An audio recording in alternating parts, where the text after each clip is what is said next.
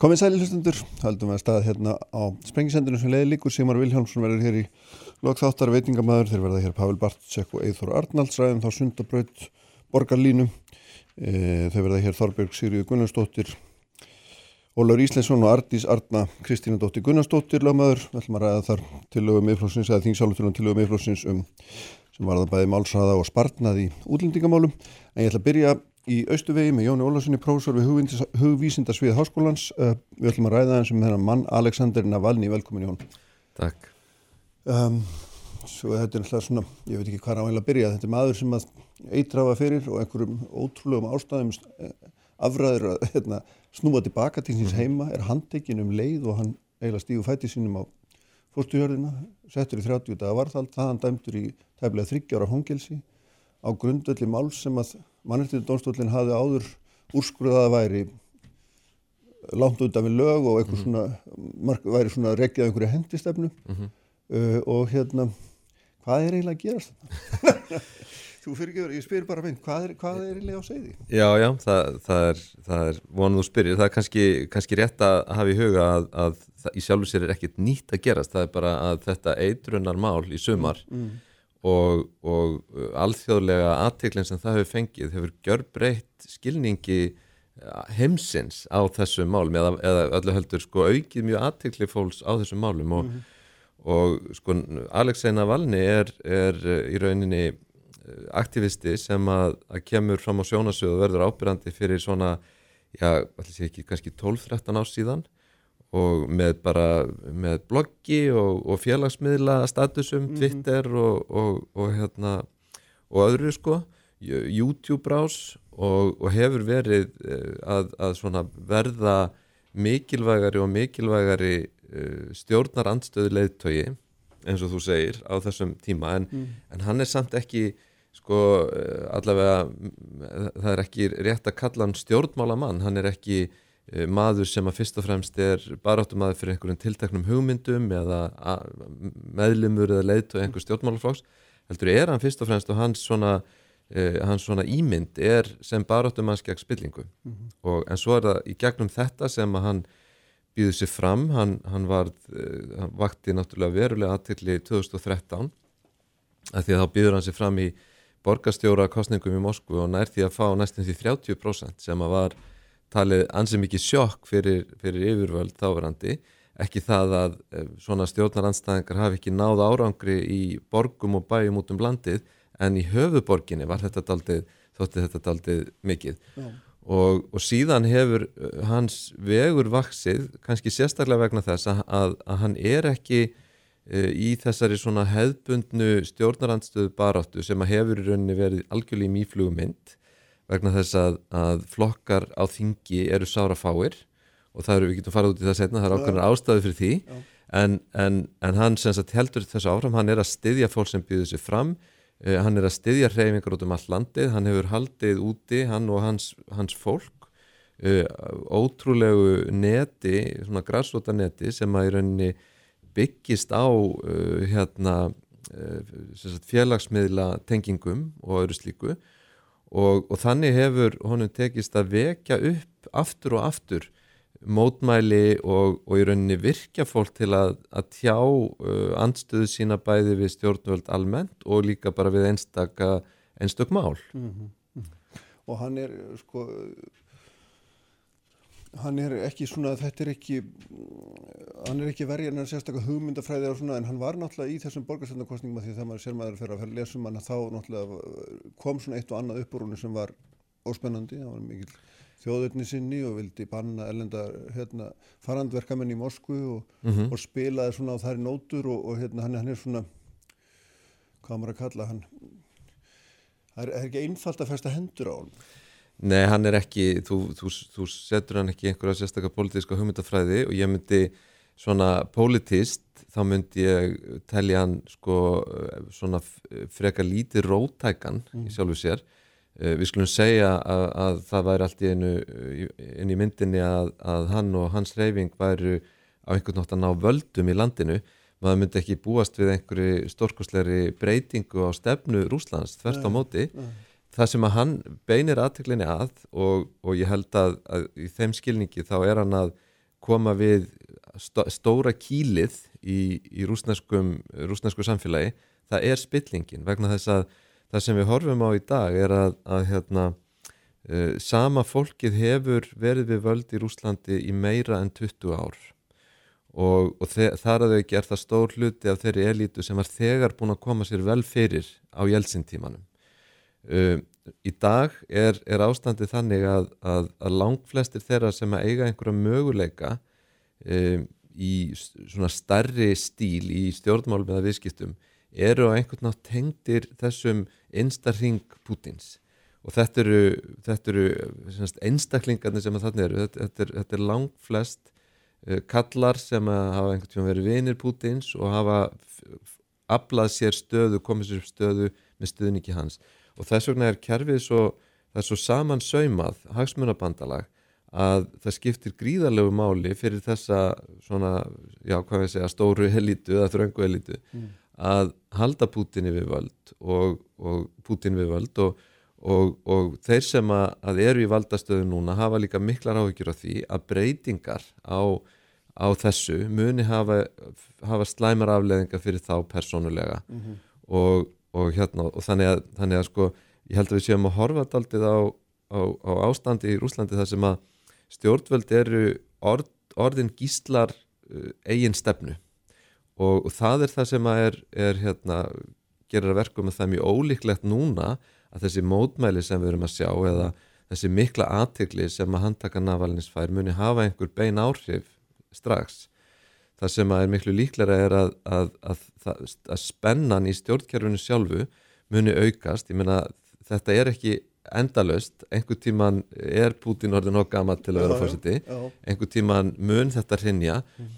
Og það kemur að því að, að það fólk sem að á hagsmun að gæta, það fyrir að hugsa með sér hvernig get ég tryggt hagsmunni mína til framtíðar? Mm. Og, það, og þá kemur að því að stuðningur við Putin verður ekki það eina sem er í bóði mm -hmm. og það er á þeim, þeim punkt, tím, tímapunkti sem við hefum eftir að sjá eitthvað gerast mm -hmm. auðvitað geta þá, getur þá Olga í landinu haft sín áhrif á það en, en, en þetta sem að nú er að gerast uh, mun ekki valda því mhm en þegar við segjum þegar við erum búin að slá því fyrstu að hann sé ekki pólitískur hugmyndafræðingur, hann er ekki stjórnmálamadur uh, og svona hérna, hugmyndir hans kannski svona alveg þókukendar, hvers vegna er þeir svona ofbúslega hrættri við hann að þeir eldan uppi og eitra fyrir hún vegna þess að það viljast vera bara ofinbært lindamúleg sem má segja og hérna þessi réttarhaldi yfir húnum er náttúrulega bara einhver farsi því hann er þar sagaður um að mæta ekki hann er á skilorði á að mæta til skilorðsföldstúan mánaðarlega því hann er í kóma í Berlín, það er ekki tekið til hérna, hann er í dá í Berlín og það er ekki tekið til til þess. Já, já, sko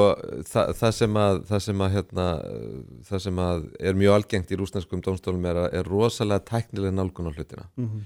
og ég meina, ok, ef að þú, ef að þú hérna eh, ef að þú hugsaður þetta nú alveg út frá rúsneskum stjórnvöldum, þá má alveg segja sem svo eh, hann og hans fólk hefðu getað nálgast yfirvöld og Já. gert eitthvað í málunni og Já. það var ekkert gert og það er auðvitað augrun líka uh -huh. það var meðvitað ekkert Já. gert til þess, að, til þess að gera þetta og, og hérna og, og sko ég myndi kannski ekki segja að, að hugmyndirna valin séu beinleginist þokukendar mm. það er bara áherslu atriði hans eru ekki þau sömu og myndi búast við ef að hann væri leitu í stjórnmálaflóks á Vesturlöndum og að fara í frambóð mm hann er að horfa á mennsemdirnar í samfélaginu Og, og, og, sagt, og hans, sko, það sem að kemur honum á stað er náttúrulega bara ofbóðsleg neykslun yfir þessari spillingu sem tröllriður öllu.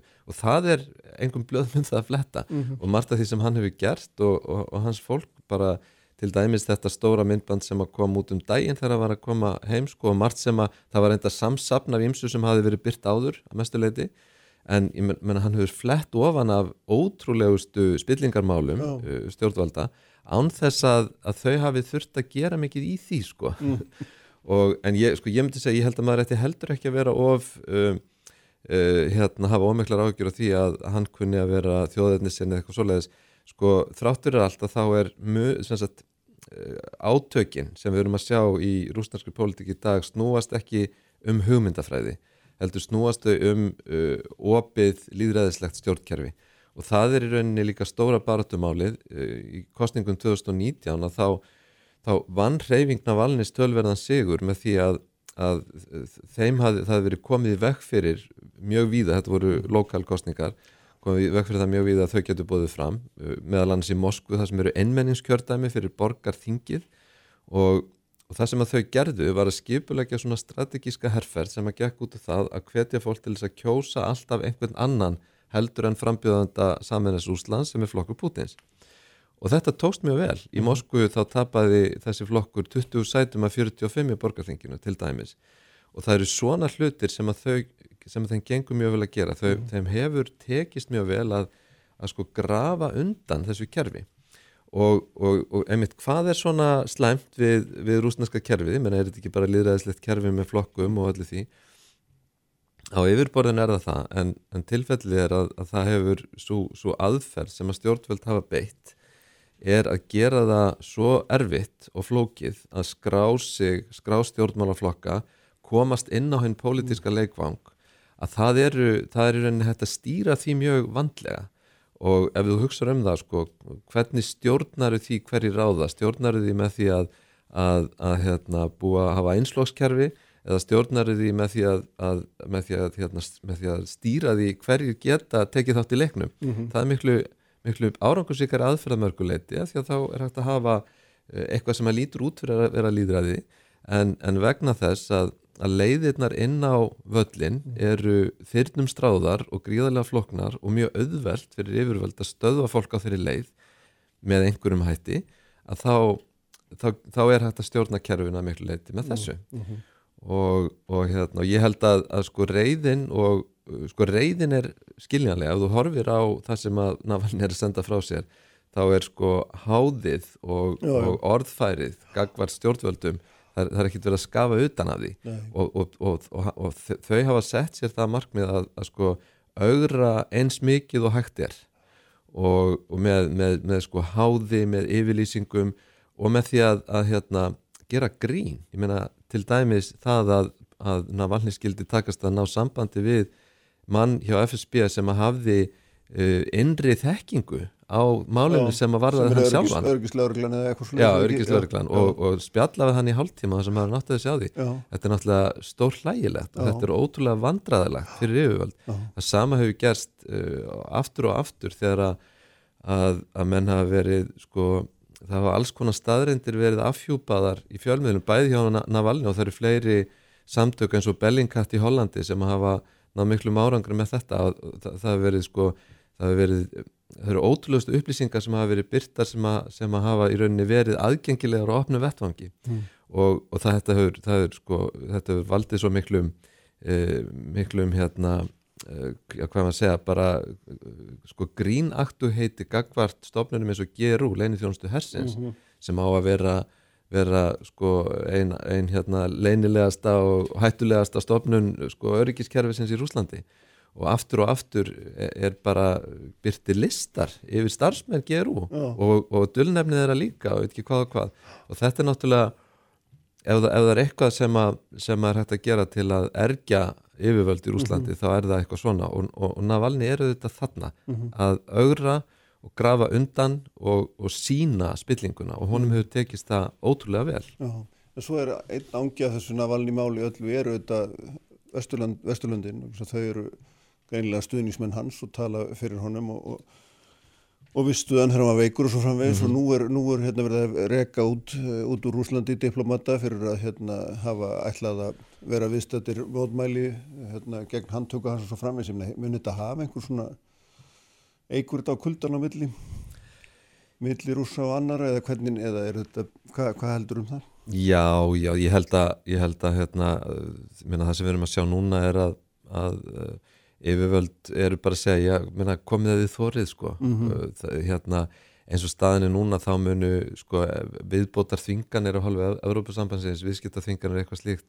hafa afskaplega lítil áhrif mm -hmm. uh, uh, Rúsar eru, Rúsland er búið að vera með með þvinganir yfir sér núna nokkur ár uh, þetta ástand alveg síðan krím var, krímskægin var einlimaður, mm. hefur verið bara lélegt og það batnar ekki við þetta en það verða engar grundallar breytingar og ég held að, að sko jafn, uh, jafn mikilvægur og ég held að Navalni og hans seyfing sé til framtíðar í Rúslandi að þá, þá er ekki eins og þarna sé komin upp einhver sko risavaksinn bildingarheyfing sem að muni steipa Putin skiluru. Nei. það er, og meiri segja ef við horfum á sko fjölmennið þá er, það voru fjöl, miklu fjölmennari mótmæli sko fyrir, fyrir tíu árum síðan Já, uh, voru 2011 og, og nei, fyrir ekki, desember 2011 og voru 2012 vegna myndra kostningasvika sérstaklega í þingkostningunum í desember 2011 og þá held ég að, að, að sko Putin og, og, og stjórnvöld þá var hann reyndar fyrst fórsetis ráðþera og svo tók hann aftur fórseta ennbætti um vorið 2012 mm. þá stóðum við aldrei fram með fyrir því að þurfa að gera upp við sig. Fínt, nú erum við að sjá hérna uh, bara ofbáðslega ólgu meðal ungsmentas fólks. Og ég meina hvað er framtíðin annað en ungmentað fólk í hvaða landi sem er? Hvort eigum við að, að reyna að setjast neyður og tala og breyta kerfinu vinna með þeim sem eru að, að, gaggrina eða sína hörku. Það var ákveð að sína hörku þá. Þá byrjuðu þessi dómsmál og síðan sagt 2012 að þá hefur hvert máli rekið annað. Það eru hundruð pólitískra fanga í fangelsum í Rúslandi í dag. Þannig var staðan ekki fyrir tíu árum. Og, og það er sagt, meir og meira verið að fara þá leið að ef, ef lögreglan getur gert einhverja aðtöðasemd við hvað þú ert að gera út á götu, hvort þú ert nálægt einhverju mótmælum með einhverjum staða sem þú ætti ekki vera á að þá er bara verið að sekta fólk um verulegar upphæður og rúsnarska mæli hverða það verið að dæma fólk í 30 daga fangels eða eitthvað slíkt og, og það er bara þetta, þetta vaksandi svona hérna eftirlita þessu tægi og síðan þegar fólk er tekið í mótmælum eins og gerðist 2012 það voru 30 mann stæmt í, í sko alltaf 7 ára fangelsi og það mun gerast núna líka, það er náttúrulega búið að handtaka mörg þúsund mann síðustu vikur. Já, já. og við hefum eftir að sjá örglega tugi eða einhver hundruð að þessum fara inn í fangelsi sko. Og, og sko og örglega þúsundur eftir að fá leiðinlega háar sektir fyrir eitthvað sem að kannski er ekki neitt. Þannig að þessi aðferð, þetta hefur verið að, að stegmagnast og því miður sko, þá held ég að við þurfum að spóla þetta aldrei langt aftur til þess að gera okkur vonir um að þessi, þessi stefna breytist eitthvað sko. það, það er búið að velja hörkuna og hún mun bara fara vaksandi En þú ert náttúrulega líka öðrum þræði að lýsa ef við, ef við horfum aðeins aftur til svona falls berglínamúsin þá auðvitað voru þau, þau samfélag sem fjallu þá einmitt samfélag sem völdu hörkuna og einhvern meginn síðan splundruðust innan frá. Þetta, þetta er ekkit ósvipað sem þú ert að lýsa svona. Já, kannski, og það er heldur ekki bundið við kommunísk ríki, sko. Nei, nei. Ég meina, hérna, ríki þar sem að, þar sem að uh, þröng, þröngur hópur fólks hefur komið sér fyrir í kerfinu og, og tekst að, að halda uppi einhvers konar síndarmynd líðræðis, mun það koma sprungur í það fyrirkomulag fyrir það síðar og, og ég held að kannski það sem að, það sem að líkurna verða meiri á að endir Putinstjórnarinnar verði á einhvern hátt snöggur og hörmulegur eftir því sem að harkan ekst og hún varir lengur. Ég held að það sé engin spurning. En þannig að, að hérna, en, en hvenar það gerist eða, eða með hvað hætti voru erfitt að segja sko. það er líka annað kannski sem að sem að skipti máli held ég þegar maður er að horfa á rúsnarska pólitík. Það er, það er, tröst, tröstið í samfélaginu. Því að nú höfum við verið að tala gríðarlega mikið um tröstin á Íslandi Já, í síðustu tíu ára eða svo og, og við sáum náttúrulega sko tröst á stopnunum falla mjög mikið í hruninu en tröst eða svona félagslegt tröst breytist í rauninni afskaplega lítið og það er mjög hátt á Íslandi, hærra heldur en held ég bara í flestum Európaríkjum. Það er mjög áhugast að bera Rúsland og Ísland saman að þessu leiti, þess að þú horfir á trösti stopnana þá er það bara mjög svipað. Svona mælingin gefur mjög svipaða tölur. Hins vegar er félagslegt tröst algjörlega í botni í Rúslandi og þetta segir okkur miklu meira sko, vegna þess að, að, að það þýðir að, að sko, leiðin að því að vinna tröstfólks er miklu erfiðari og floknari heldur enn í líðræðisríki þar sem við treystum hvert öðru sæmilega Uh -huh. og, og þess vegna þá fyrir uh, hérna, uh, stjórnvöld að sko nýða einhvern svona stjórnarhandstæðinga svona valni er svo auðvelt Pútín, ég meina það elskar enginn Pútín en, en valkostirnir fólk treystir ekki valkostunum.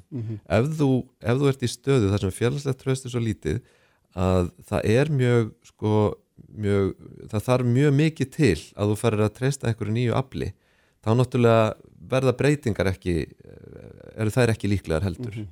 Og, og núna þá þetta er sko meina, fjölmiðla uh, hérna áraðurinn Gagvart Navalny í Rúslandi er náttúrulega alveg, alveg gríðarlegur og, og það er eins og þessi, þessi þetta hvernig Putin sko hann nefnir hann ekki á nafn þegar er, hann er spurður um það hann er helst ekki nefndur á nafn mm -hmm. við sjáum það núna síðustu daga í svona þessum meginstræns fjölmjölum og aðalega í sjónvarpinu sko að það verður að segja frá þessum mótmælum án þess að nefna Navalni nokkuð það er bara verið að segja að fólk hafi þvist út á gödurnar mm -hmm. og, og, og þar hafi, hafi það ekki lít fyrirmælum lögreglu og, og svo framvegist þannig að það er fréttaflutningu sem að segir ekki alla söguna og er sniðin að því að að lýsa mótmælendum sem bara einhverjum, einhverjum hérna, fordegruðum borgarbönnum sem að er að heimta eitthvað sem ekkert vitir í eða eitthvað slíkt sko. mm -hmm.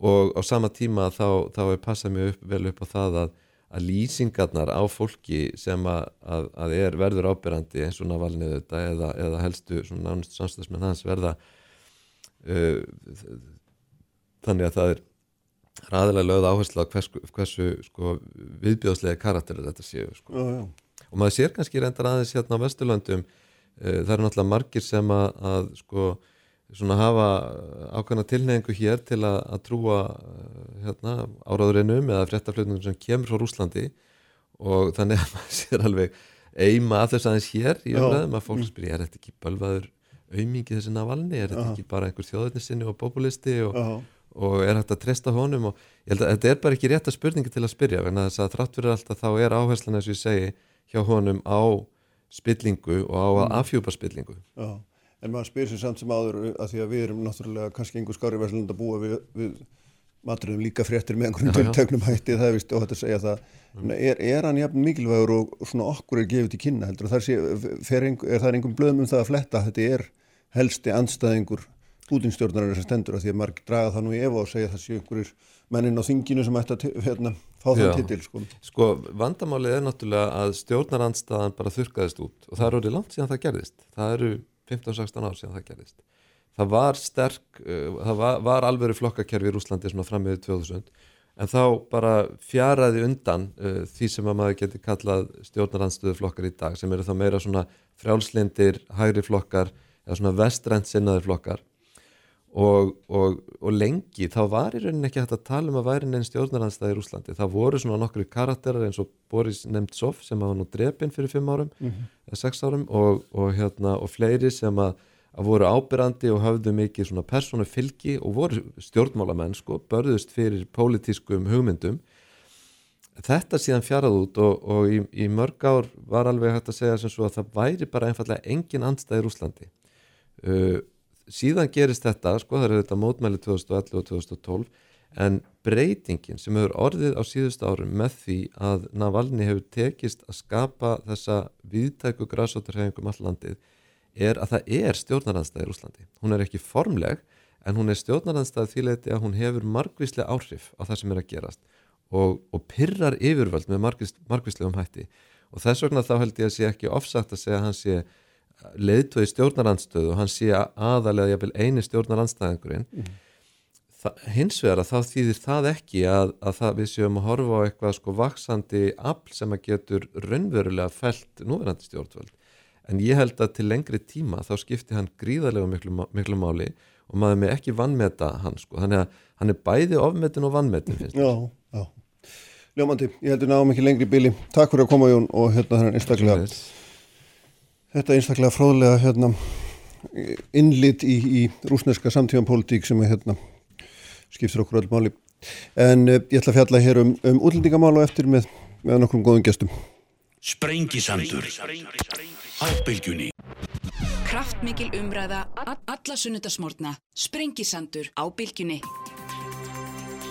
Sæli hlustendur, Jón Ólarsson, professor við Hugvísindadeild Háskóla Íslandsfarin frá mér eftir gríðarlega fróðlegt yfirlit um stjórnmálun í Rúslandi sem stendur og hérna og um áhrif Alessandrs Navalny sem er nú einhvern veginn miðpuntur heimsversunar akkurat sem stendur. Ég ætla að fjalla núna um, um þingsalutölantillögu sem allir þingmenn miðflóksins hafa lagt fram um útlendingamál. Hún uh, fjallar í grunninn um það hvernig er hægt að hemja útgjöldur ríkisjós og auka skilvirkni í málsmeðferð uh, þeirra sem að hingað koma og sækjast eftir því að fá hjá okkur hæli eða, eða alþjóðlega vernd eins og þetta heitir nú vist í á fræðinumálunu núna uh, Þorbjörg Sigri Gunnarsdóttir, alþingis kona uh, Ardís Arna, Kristínu Dóttir Gunnarsdóttir er ekki rétt með farið? Ardís Anna? Anna, já, fyrirgjöðum hérna, uh, lagmaður, sjálfstæðstarfandi áður hjá Rauðakrossinum og Ólafur Íslesson þingmaður og fyrsti flutnismæður þessara tillögum sem við ætlum að fjallum. Segð mér akkur þú ert að segja fram tillögum þetta og byrjum þar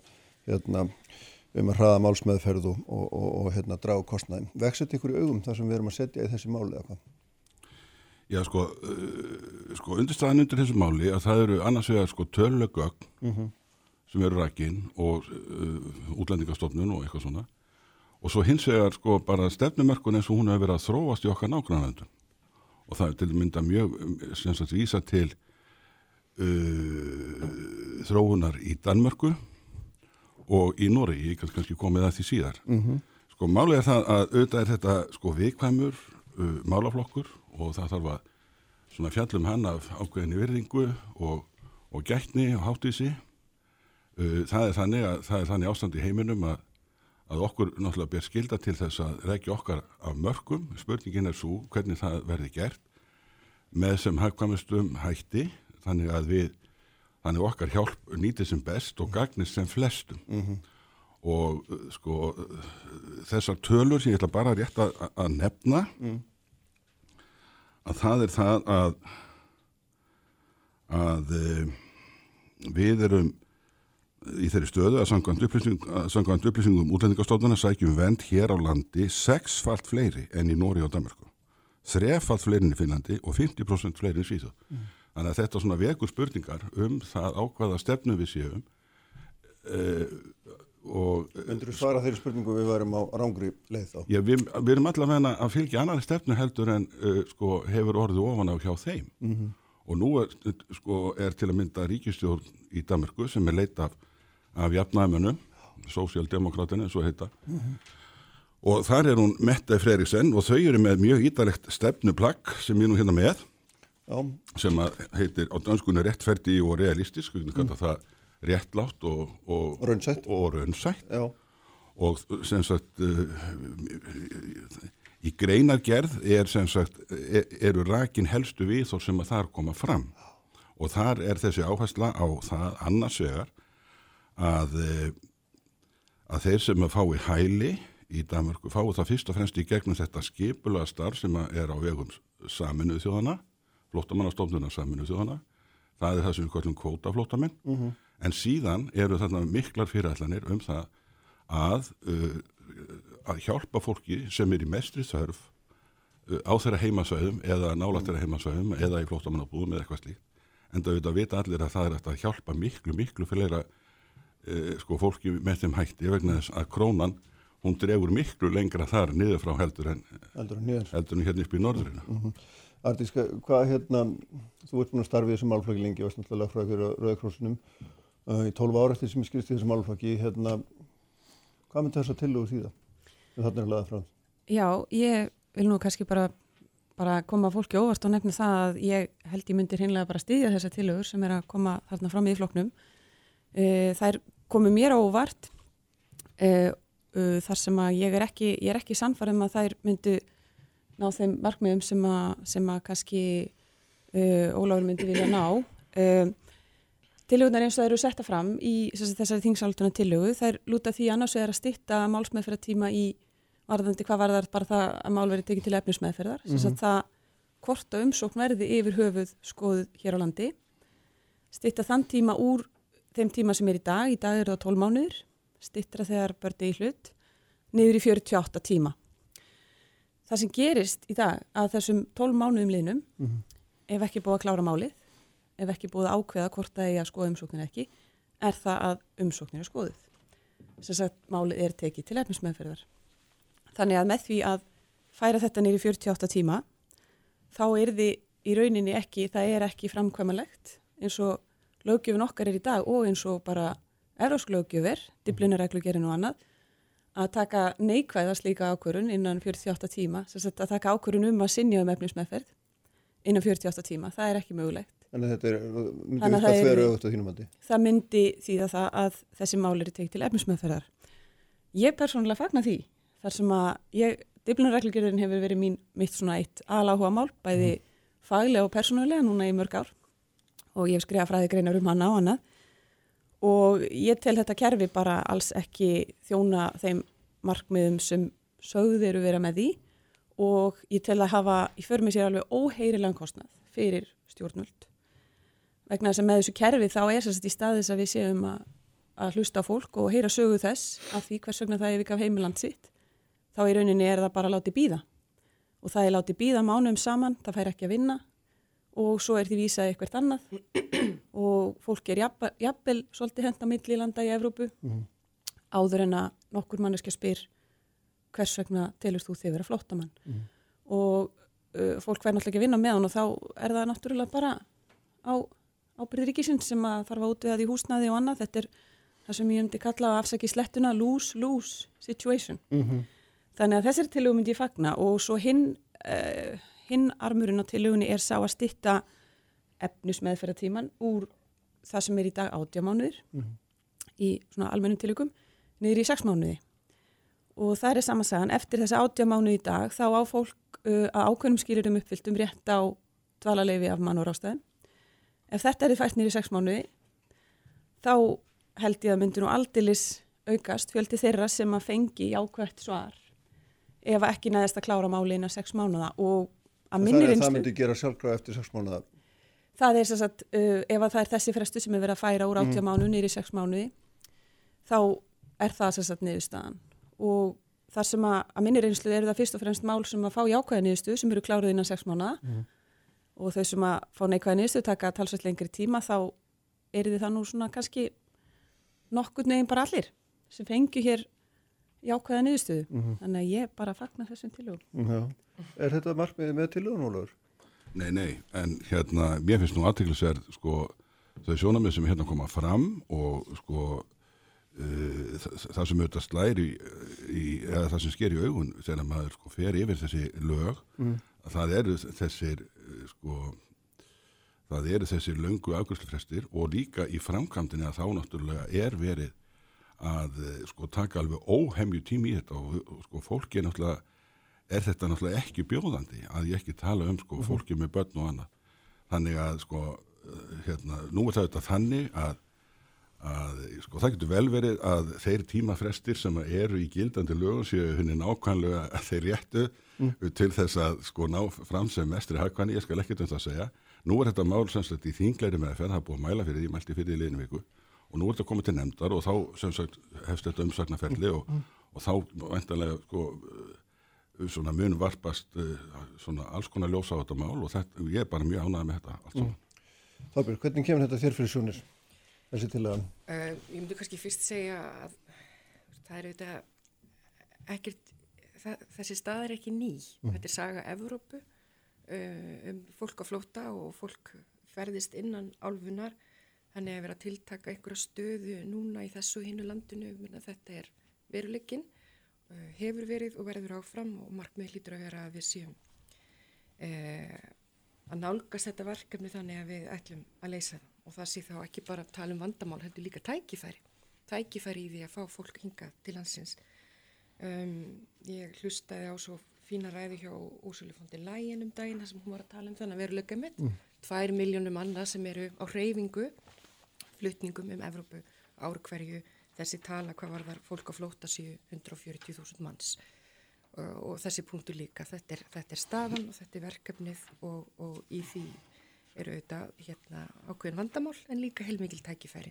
Uh, Mér finnst mjög áhugavert að heyra hérna sérfræng uh, á þessu sviði uh, færa okkur þann sannleika sem ég, ég myndi mér að hljóta vera ákveðin tíðindi fyrir Ólaf að, að þetta, þessi dringsáleiturna til að hans og meðflokksins myndi þá í reynd því að, hérna, við værim að fá margfald fleiri jákvæð svör en áður ef ég skilði rétt. Um, ég myndur kannski líka allt, allt þetta að tala um sko Íslandsi per haus mhm. heimsmeistri einhverju það er auðvitað líka svona alltaf ákveðin ákveðin hérna ákveðin nálgunni sem segir kannski ekki alla söguna en eh, að því Ólafur nefnir líka þetta sé viðkvæmt mála þá hérna finnst mér að svona stundum með útlendingamálin og kannski sérstaklega núna með því að fram var komið útlendingafrimar fyrst frá Sigri Andersen og sem áslu verðin að laði svo líka fram uh, sem er hart takmarkarvernd verulega um, og svo hart að það, það var ekki samstöðum þá er ekki, heyrist mér, innan stjórnarinnar sjálfur að það er ákveðin farvegur fyrir nýtt samtal í útlendingamálum. Ég lít svona á að þessi hugmyndafræði miðflokksins er kannski komið beinu framaldi af því að, hérna, að við séum svona ekki endilega á góðum stað með En erst þú sáls svona sátt við eh, þetta kerfi eins og það er og það sem erum að setja í það peningum og finnst þér það vera svona gott samræmið þar á milli? Uh, ég, meni, ég er í grundvallaratriðum sátt við útlendingalöggjöfuna eins og hún lítur út í dag. Uh, ég er ekki sátt við uh, þær breytingar sem að stjórnvöld hafa viljað leggja til. Uh, ég er einlaglega sammála Ólafi með það að málsmeðfyrirtímin er út úr kortinu langur og svona upp á því marki að, að við svona erum ekki, ég held að við getum ekki staði í lappirna með það að segja kerfið okkar sé mannulegt þegar fólk er e, í byðstuði hérna mánuðum og jafnvel árum saman. Þá er þetta sérstaklega við um börn en um alla þá sem sækja um. Ég er ekki sammála því að sko málsmeð þeirra tími og skilvirkni sé hitt eina rétta svar þegar við erum að tala um útlendingalöggjöfuna og þar fyrst mér stundum vandað í samtalið um hvað erum við raunverulega að tala. Mm er það sjálfstækt markmið uh, að uh, kerfið vinni, eða minn punktur er kannski að, að sko kerfið sem að vinna hratt getur verið gott kerfi en hraðin er ekki endilega mælikvarðin, hinn eini sann er mælikvarð á því. Ef niðurstaðan er vond og það hefur nú stundum séð í þessum þegar við tala um þessi einstöku mál, saga ákveðna fjölskyldnaratar uh, út í kastljósið sem er auðvitað alltaf ákveðin speill á kerfið að þá hefur það ekki verið kannski málsmeðfrættími sem að fólki hefur sviði heldur niðurstan. Já, já. Arti, sko, við erum að, hérna, akkurat með við erum að tala, þá er, þá er hér í gangi mál sem að, er hér manni sem að, ég vona þetta nú þokkalega vel fram, Uhunoma Osai Móri frá Níkeríu og við erum að vísa honum að landi, brott, hérna, hann er búin að vera hérna frá því oktober 2019. Uh, hvað hefði gerst ef við hefðum verið búin að hérna, breyta lögum þannig að þessi málsmeðfæra tími hefði, sem að miðflokkurinn er að fjallum, hefði verið orðina lögum? Hvað hefði þá orðið um þannig mann? Já, hann væri komið með dvalarlega á Íslandi. Hann, Það væri það. það, hann, ef, að því sem ég skilst í fjölmjölum, nú þekki þetta mál ekki, ekki persónulega, ég hef þær upplýsingar sem hafa komið fram í fjölmjölum, þá skilst mér hans ég búin að vera hérna nokkuð lengri en í sex mánuði. Já, já, að vera frá oktober 2019. Já, og þá ef að máli væri og það málið er í efnismeðferð og þá ætti hann væntalega rétt á þessu dvalarlegu grundulli mann og sjóna miða. Eh, ekki það að ég persónulega með það sem ég lesi, það tel ég niðurstuðun að ranga í þessu máli og maðurinn er rétt á alþjóðlega vernd. Eh, og þar er kannski, þar erum við Ólafur kannski minna sammála varðandi afgriðslu umsókna, ég tel stjórnvöld eh, ekki alltaf vera að meta rétt möguleika fólks á uh, hjálp og aðstóð í heimaríki. Og varðandi mál til dæmis uh, fórnalamba Marsals sem að koma frá Níkaríu þá er uh, til dæmis í, í máli þessa manns þá er saga hans ekki dregin í efa. Ísleik stjórnvöld telja hann vera að segja satt trúa honum. En uh, byggja á því að hann geti leitað aðstóða lauruglu í Níkaríu og fengi þar stuðning. En þar má nefna að í allri Níkaríu að mér skilst eru um 300 geðlagnar og sálfrængar, það er sagt, uh, eins og það væri slíkur fagaðili í hálfustarfi að þjónusta allt Ísland uh, fyrir utan það að, að ofinberar og áreðanlegar upplýsingar um aðstæri nýgjöri sín okkur það glögt að þetta er ekki, það er ekki raunurulegi möguleikar á aðstóðu vendar í landi. En vegna, með sex mánuða reglunni sem að uh, Ólafur myndi vilja koma á þá allavega væri únóma komin í skjól á grundvilli dvalarleifis að mannaðar sjóna með Ég, sko, Ólega, það var áhugaður punktur í Þorbyggu með, með þetta í þessu samhengi og það er, veist, þetta er auðvitað ekki, snýst ekki bara um hraða, þetta snýst auðvitað um einhverja stefnu, er landið opið að loka og hversu mikið, ekki nákvæmlega hvort það tekur tvo mánuði að fá niðurstöða fjóra. Og hvað ertu, og þið í raun að vera að leggja til í þeim öfnum, þið eruð að leggja til er það ekki að við herðum reglunar, ég meina þið vísið til Danmörkur og við þar sem menn eru allstaðar segja að það sé stefna, þessi opna stefna sé stefna sem að þeir hafi gefist upp og við höfum ekki taka hana upp eftir því sem ég skilst á þér. Eðna, okkar stefna þeirra mistök skrifar þú í grein í, á, inn á vísi. Hvað er þið raun og verið að leggja til? Já sko, fósitsráþra Dana hefur um þetta mjög hörð orð. Já, en nú er ég að spyrja því hvað þið er að leggja til. Ég ætla að nota þessi myndistu undirsvarið Já, já, já, alltilega. uh, sko, í þessu stefnuplaki sem er frá 2018-19 og, og hún sem sagt er sem fósitsráþra að hrýnda því í framkvæmt og er undir miklu þrýsting meðal annars frá stjórnarnastöðunni í, í sínu landi. Uh, sko, hún segir að þessi stefna sem hafi verið fyllt sé mistök og hún segir að evróska hælisleitnendakerfi sé raun hrunið og ég vitna til hennar stefnuræðu í danska þjóðþinginu 7. oktober síðastlið sem er aðgengilega á, á vef danska fósitsræðansins meðal annars. Og með þessari þýnsalastuna til þá auðvitað viljum við vekja aðtikla á því að sko það er ekki annað að sjá með af þessar tölur. Ég held að við afnefnum nú ekki höðatölur regluna hérna í þessum útastætti en með af þessar tölur að þá eh, eru við af okkur allt annar braut heldur en þau hafa markað sér. Og þetta er auðvitað þau land sem við viljum helst sko bera okkur sama við. Þetta er til að mynda Noregur sem að náttúrulega hefur lagt kannski allra þjóða mest á sig sko til að hjálpa og ég meina þetta er náttúrulega mjög góðu félagskapur að vera í þessum hópi og ég bara vil segja það að við þetta hljótum að draga okkar álíktanir af þessum tölum og við hljótum að þurfum að meta það eh, sko hvaða leið við viljum fara. Ég meina þessar reglur eins og við erum með núna þær eru mæntanlega ekki klappar í stein. Og þetta sjónað við um það að það sé að nýta þetta fyrir sem við verjum í, sko, til þessa málaflokks betur það eru þetta gilt sjónamið og það stiðstiði rauk og því er mjög eindreið haldið fram til að mynda af uh, sko dönskum hérnaðamönnum og þeirra fórustumanni danska fósitsráttarinn og, og ég meina við þetta hljótum að vilja uh, sko sem sagt fá sem mest fyrir þetta fjö og hjálpa sem flestum og hjálpa sem sko ég meina því fólki sem er í mestri neyð þar á meðal konum og börnum En Þannig að þú, þegar þú fer út í landstyrina þá verður norrætt krati, það er, hérna- er niðurstaðan að þessu. En sko aðeins varandi þetta mál sem er í gangi. Ég, það, sko, mundur- kratar eru bara ekkert slæmur sko, félagskapur eins og þeir nei. byrtast í Danmarku. Það er Nú bara spögið þér hans. Hérna, en, hérna, en hérna varandi þetta mál sem er í gangi. Já. Þá, og hérna hún arti sér að lýsa því hvernig það, hvernig ykkar tillögu myndu hafa áhrif á það. Myndur það vera, sá- er það þetta sem þú ert að leita Nei, eftir? þetta raunverulega? alls ekki, sko, ég- og að sjálfs er ég ekki þetta komið til að, að ræða um neina einstök máli Nei, ég veit það, eða ég er- nokkuð ég- skapaðan hluta því tægi. Veistu það, sko, í, sko, alveg á sama hátt og ég tel að, að það leiki vaf á því hvort að þeir málsmeðfæra Mm. frestir séu akkurat rétt stiltir í gildandi lögum, þá er ég ekkert komin hérna til að segja það að ég hafa akkurat hárnakon svar.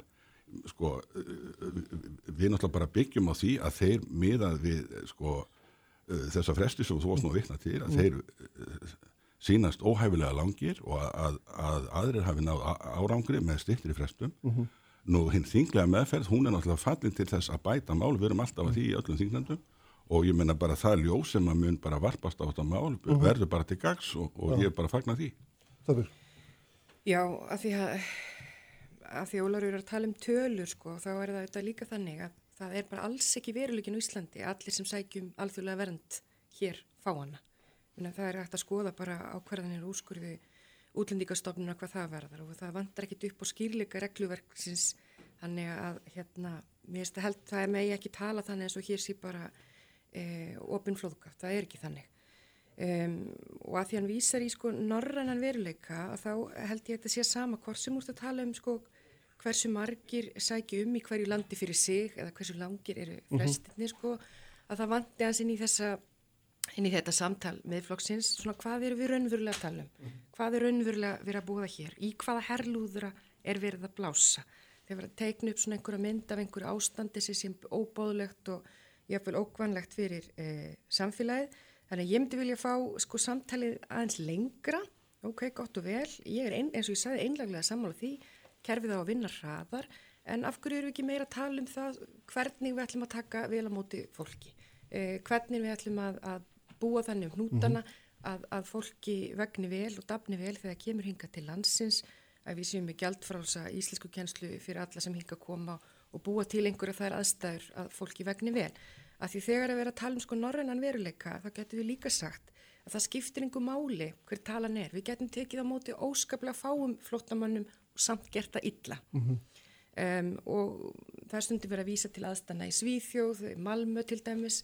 Þar eru þetta ákveðin umgjörð fyrir hendi og það eru ekki bara tölurnar sem þar eru problemið. Og ég myndi segja að tölurnar eru ekki problemið heldur hvernig þetta er gert. Að það eru gettó sem að hérna fólk af verðlendum uppröðum eða útlendingaflótamenn búa í, eh, raunveruleg tækifæri eru ekki nema takmörku í leiti til staðar, þannig einhvern veginn að koma með þær aðstæður og segja við viljum ekki fleir, fyrst mér svolítið verið að snúa hausunum, eh, hlutunum á kvolf um, og, og mér finnst þetta aldrei óþægilegt þetta með að vísa í e, Norðurlöndin í þessu samingi og bara tala um sko, fjölda umsókna hér þegar við vitum allar regluverki það er ágætilega skýrt og það er ekki þannig að hinga að sé að koma einhvers á fjöldi að við sem mm. þjóður áðum ekki við það. Það er bara ekki veruleikin. Nei. Já, mér langar pílutið að taka undir það sem að Þorbjörg er að segja. Uh, í fyrsta lagi þá þarf náttúrulega að hafa það í huga þó að þessi, þessar hlutalstölu sem Ólafur nefnir hljómi kannski svolítið óugnalega þá það sé margkvælt en meirinn á Norrlöndunum, það er náttúrulega bakvið þessar hlutfallstölur mjög lítill fjöldi í raun og þarf í raunin ekki drosalega marga til þess að umbylta þessum tölum. Þannig að það er rétt að horfa þar með þeim fyrirvara. Uh, en svo uh, myndi ég, er ég líka bara forvitan að vita í rauninni hvað það er sem að uh, þitt elgið Ísland er að gera öðruvísi heldur en önnu Norðurlund mm -hmm. vegna þess að okkar lögjöf og framkvæmt er mjög áþekk þeirri sem eru á Norðurlöndum mm -hmm. og í öllum aðalatriðum er við með sömu stefnu og að gera sömu hluti og það er langað mig kannski að nefna sem dæmi það sem að ég held að sé hugsanlega og nú er ég bara að geta mér þess til sé hugsanlega kveikjana að þessari tillugu það er uh, það sem að kalla er 48 tíma reglan í Noregi uh, og svo regla hún gildir í málum fólk sem er með ríkisvang sem að kemur frá ríkjum sem að eru álitin af útlendingastofnun vera svo kallu örugríki. Uh, þessi mál eru hverfandi fá að Ísland í dag vegna þess að við erum með sömu stefnu. Þessi mál er reyndar ekki kláraðin á 48 tíma en eina ástæðan fyrir því er nú bara svo að útlendingastofnun starfar ekki á sólaringsvakt en það væri það óþart að þetta eru svo fá mál. En þessi mál eru uh, núna í dag, þessi fá mál, þau eru kláruð á innan við tveim vikum með sótkví. Þannig að fyrir sótkví þá var þetta cirka vika og það hlýtur nú að teljast bara, bara nokkuð skjót málsmeðferð. Þannig að þar er, og þetta er eitthvað sem að, kemur oft upp í umræðina, við þurftum að taka upp þessa 48 tíma reglu. Við erum með hana. Hún er ekki 48 tímar en uh, útlendingarlegin okkar þau hveða á um það að þessi mál skuli afgriðt gríðarlega rætt og kæra frestar ekki réttar áhrifum mm -hmm. og mhm. annars líkt. Mm -hmm. Já, einmitt. Þannig að þannig, það er í þessum kerfi okkar svo bara þessi hraða meðferð sem verið er að byggja. Um. Við erum hérna, í sjálfu sér ekki að gera neitt uh, mikið öðruvísi heldur en nei, akkurat, já, Ólaður. Já, bara ég vil líka vekja aðtegla á því sko að sangkvæmt upplýsingum útlendingastótunar mm -hmm. að af þessum 654 umsækjandum í fyrra mm -hmm. að það voru 38 sko frá örugu upprunnaríki mm -hmm. Eiga enga kröfu á hæli hérna. Vantilega fengið hana þá ekki eitthvað? Uh, og hérna síðan mm. sko... Vantilega snúði á eina við viku. Er, er Já, ég menn er það ekki til því? Síðan er það að meira hlut umsækjanda, 371, hafði þegar fengið vend í öðru ríki. Og svo vil ég bara vekja aðeiglega á því sem að þau leggja upp hva. Hvað á ég að leggja út af því? Hvaða máli skiptir það? Ég, og það má líka horfa til hvaðan þetta fólk kemur sem að þegar hefur fengið vernd. Mm -hmm. uh, stærsti hópurinn er að koma frá Gríklandi, hann er að koma frá Ítalju, hann er að koma frá Ungverilandi. Það eru lönd þó þú sért með þennan merki með það vernd í öðru landi har óskaplega lítið á bakvið þann merki með svo, svo, það vita það allir sem að horfa á fréttinnar að það er ekki neitt á bakvið það að vera með vernd í Gríklandi og það mm. er mhm. stærsti hluti þess hóps sem að þið vilja núna segja nei við Svo vil ég sömulega segja aðtikla á því sem að þau lökja mikið upp úr okkar ágættu dönskuvinir og það er það að þetta Ólaður, ekki, ekki hlaupa undan þessu, ekki fara að vitna um Danmark það var verið að, að hérna, beina til þín máli um þetta hérna Nei, þessi vend sem þú nefnir, hún, hún sé bara á pappir en ekki, ekki hérna, neitt raunveruleg. Já, ég meina, sko Þorbjörgur alveg fullkonlega frálst að hafa það viðþorfa að og hef það. að, að, hérna, að fell ykkur að dóma um, um það hvað vernd í sumum öðrum löndum merkir. Mm. ég meina, erum við ekki að tala um Európa-sambandsríki og, og... Þú ert þeirra skoðunar að vernd í Gríklandi sé báðlegar aðstæður að senda fólk í? Ég ætla bara ekkert að úttala mig um það. Og, en ég var alltaf að fá Þú ætti ekki að vita það ef þú ert til að hérna, tala um þetta sem, sem eitthvað tæk ég hef bara ekki, hef bara ekki nefnt uh, sko þetta land í mínu málflutningi. Nei, þú ert bara að nefna tölurnar frá útlendingastofnun. Hversu margir sækja hversu margir koma frá örugum ríkum hversu margir eru þá þegar konum í vernd Rauðukrossin hefur mjög skýr með það og vísað í tölur mm. hver hinn raunveruleg veruleiki er að baki því að vera komið með vernd og það eru þessi ríki fyrst og fremst. Þannig að þá fyrst mér alveg með að gera þá kröfu til þín að þú svari því hvort að það séu bálegar aðstæður að senda fólk aftur út í Greiklands. Já, já. það er eitthvað sem að menn myndur skoða en ef ég mætti halda áfram með það sem ég ætlaði að og það er þessi sko, það er þessar ábendingar frá okkar dönskuvinum um það að sko þetta fyrirkomulega eins og kannski við erum ennþá með og enn í minnamæli Norrlandin að þau sagt, hafi leitt af sér að fólk er að flýja yfir miðarhafið og í þessum dönsku plökkum að þá er talað um það að árabjörnum 16 til 18 hafi 10.000 manns druknað í miðarhafinu hún sæði sinni stefnur að þið mettiði freyri sem fórstur á það að miðjara hafi verið orðið kirkjugarður. Mm. og þessi stefna, hún skapaði fólki að misjöfnu sögðahúsi getur vorðaða uh, viðskipta tækifæri sem að kannski er að fefletta fólk uh, fyrir það að uh, að hérna setja það um borð í einhverja yfirfyltar uh, mandráfs hérna fleitur mm. hún talar um það í sinni ræðu, þetta sé okkur í gúmibátar og uh, að þau vil ekki bera ábyrða á slíkri stefnu og þau vil ekki bera ábyrða því að skapa uh, uh, slíkum aðlum uh, tækifæri til þess að aukast á kostnað þess að fólk er í neyð og höfuð áherslan eins og ég les þessi plögg uh, sko bæði dansku plöggin og sömulegis uh, stjórnarsáttmála norsku ríkistóðarinnar er um þetta að sko hverfa frá þessu og að nota kraftana til þess að hjálpa fólki sem mest á heimaslóð eða næri heimaslóð mm -hmm. og líka vegna þess að fyrir þann pening er þetta að hjálpa svo miklu fleirum og að peningandir nýtast uh, miklu betur þannig að það er alveg klárt mm -hmm. að þegar maður lesa þessi gögn það eru vittnað það er vittnað til þessara gagna í þessari þingsáleistun og það eru þarna slóðir þarna sem þannig að hverfið getur bara farið onni þetta að, að, að þessi stefnumörkun þeir myndi hugnast að fara þessu já, algjörlega, já, algjörlega. Já, og, að, og að móttaka fólks fari fyrst og fremst í gegnum fyrir skipulaða flóttamannakerfi saminuðsjóðana mm -hmm. á grundvelli starfa flóttamannastofnuna saminuðsjóðana mm -hmm. Það er að segja kvóta flóttamenn en ekki hérna bara sem hafs á landamærum. Nei. Mm -hmm. Uh, já, það nú, kemur nú eiginlega bara mjög óvart hérna hversu sammála við Ólafur erum. Uh, ég er sammála því að Európska hæliskerfi sé fyrir lungu hrunið uh, og mér langaði bara hreinlega til þess að spurja hvers vegna fólk heldur að það, fólk sé að setja sér þess að hættu, fara á gúmibátum yfir miðjarahafið, borgandi glæpamönnum fyrir það. Það er einfallega vegna þess að það er engin lögleg leið fyrir fólk að koma til Evrópu og sækja um vend. Kerfið okkar er þannig, ef þú kemur yngað sækjur um vend og ert flótamaður þáttur rétt að vend en þú mátt ekki komingað.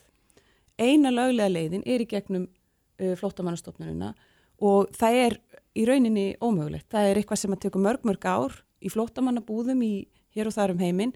Það stendur fólki ekki til bóða með neinum stuttum fyrirvara, fólk sem að þarf að flýja aðstæðir í kvelli. Mm. Þannig að það er Evrópa sem ber ábyrða á mm. þessum kirkjugarði sem mm. þarna er. Og ég myndi líka vilja spæta við hvernig, hvernig hjálpar það fyrst við erum að tala um fólkið á gúmibátunum mm. siglandi yfir hafið hvernig hjálpar það þess, því fólki að teikna upp þessar lausnir sem að miðflokkurinn er hér að gera að það sé afdráttalust nei sama hvað. Við erum að láta þessu loki núna. Þakka ykkur öllum þrejum fyrir að koma og hérna fyrir fórhundnilegar umræður. Við höldum áfram. Hér ætlum að tala um borgarlínu og sundabraut meðal annars Pavel Bartutsek og Eithur Arnalds Sprengisandur, alla sunnudaga á bylgjunni.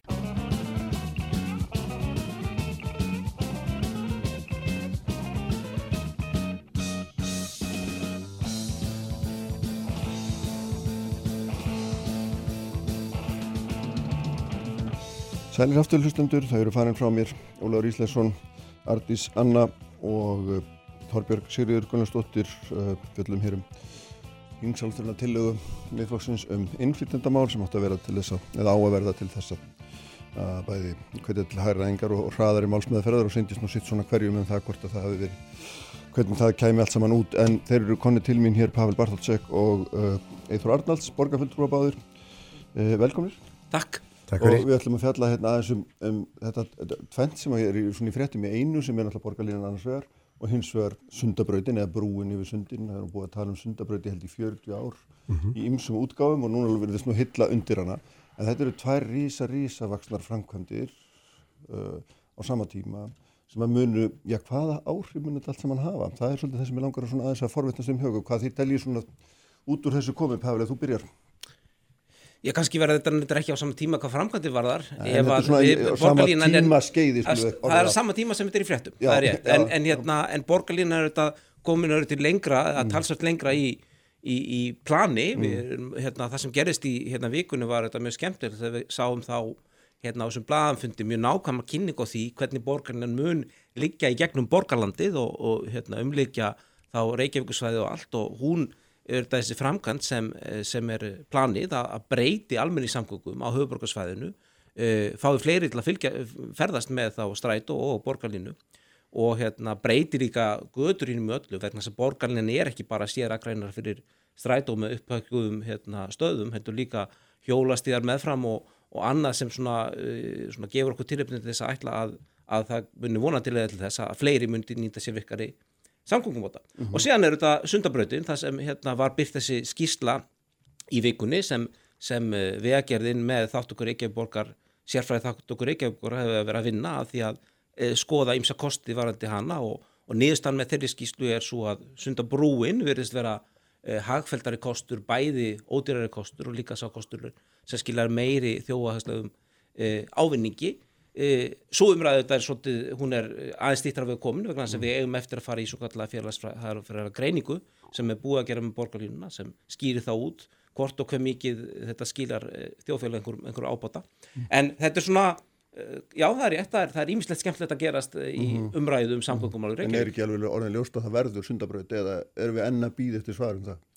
ég held að sé ekki að segja út frá þessari skýslu einni og sér að hérna, ég meina þetta er ákvörðun sem varðar 30-40 miljardar ég skal nú vona að það sé ekki hægt að taka það ákvörðun að þannig að fari fram hjá einhverjum. Þannig að það er klárlega eftir og hérna ég myndi segja og það sem ég hef verið að tala um vikuna við þurfum þetta að vera hreinskili núna varandi umræðum mögulega veggjöld. Já. að því að ég lít svo á að það sé ákveður fórsæta fyrir því að það sé hægt að tala um þessa hérna framkvæmt að við tölum um veggjöld og tölum um aðra mögulega, mögulega fjármögnu heldur einfallega ríkið að sveitafélag komin með, með 20 miljardar og, og dembiðan inn. Já, við skulum tala um það áfram eftir hérna. Hvað segir þú Eirþór, hvernig líst þér á þetta ef við tökum þetta tvent saman? Mér finnst mjög jákvæmt að þessi verið að tala um framkvæmdir í samgöngumálum á höfbruksvæðinu og í Reykjavík því að það er búið að vera stopp í mjög langan tíma, viljandi gert, það var gert samgöngulegum að falla frá framkvæmdir sem átt að vera á dasgrá, teknar af skipulagi af Reykjavíkuborg, til dæmis gatnum út við bústæfu og fleira mörg slík, e, þannig að það er mjög mikilvægt að, að það í núna bæta úr og e, ég fagna því og sundabraut klárlega komið niðurstæði það að brúin er betri kostur og það mun komið ljós líka að hún er betri kostur rekstralega, það er dýrar að reyka göng út af ymsum ástæðum. En ég held að það skiptir miklu máli hvernig útværslan er á hlutunum. Við erum hérna við Suðlandsbrautina og uh, með við kynninguna á uh, borgarlínunni þá á hún að liggja sagt á miðri já. og taka tvær akreinar af fjórum þannig að það verður ómulegt að beigja í aðra áttina og, og uh, þetta þrengir þá mögulega að umferð og uh, ég held að við ættum að halda okkur við upphæla markmið að, að borgarlínan eigi að auka afkasta getur vegakerfisins en ekki þrengja því. Þannig held ég að við getum náðu sátt. En þrátt fyrir allar þessar útreikninga ertu þeirra skoðanar ennþá að það sé hugsanlega að, að, hérna, þetta sé tefi, freka fyrir umferð heldur en að greikki fyrir henni. Ég það er nokkuð augljóst að ef þú tekur helmingin af akronum hérna fyrir aftan okkur að þá mingar pláss fyrir bílana og uh, þá verða þeir að fara eitthvað annað. Þannig að það er einföld, einföldur út, útreikningur. Mm. Uh, Sam er að segja um fleiri rými eins og hverju skutuna, lækigutuna, borgarhalsbrutinni Kópói og svo leys.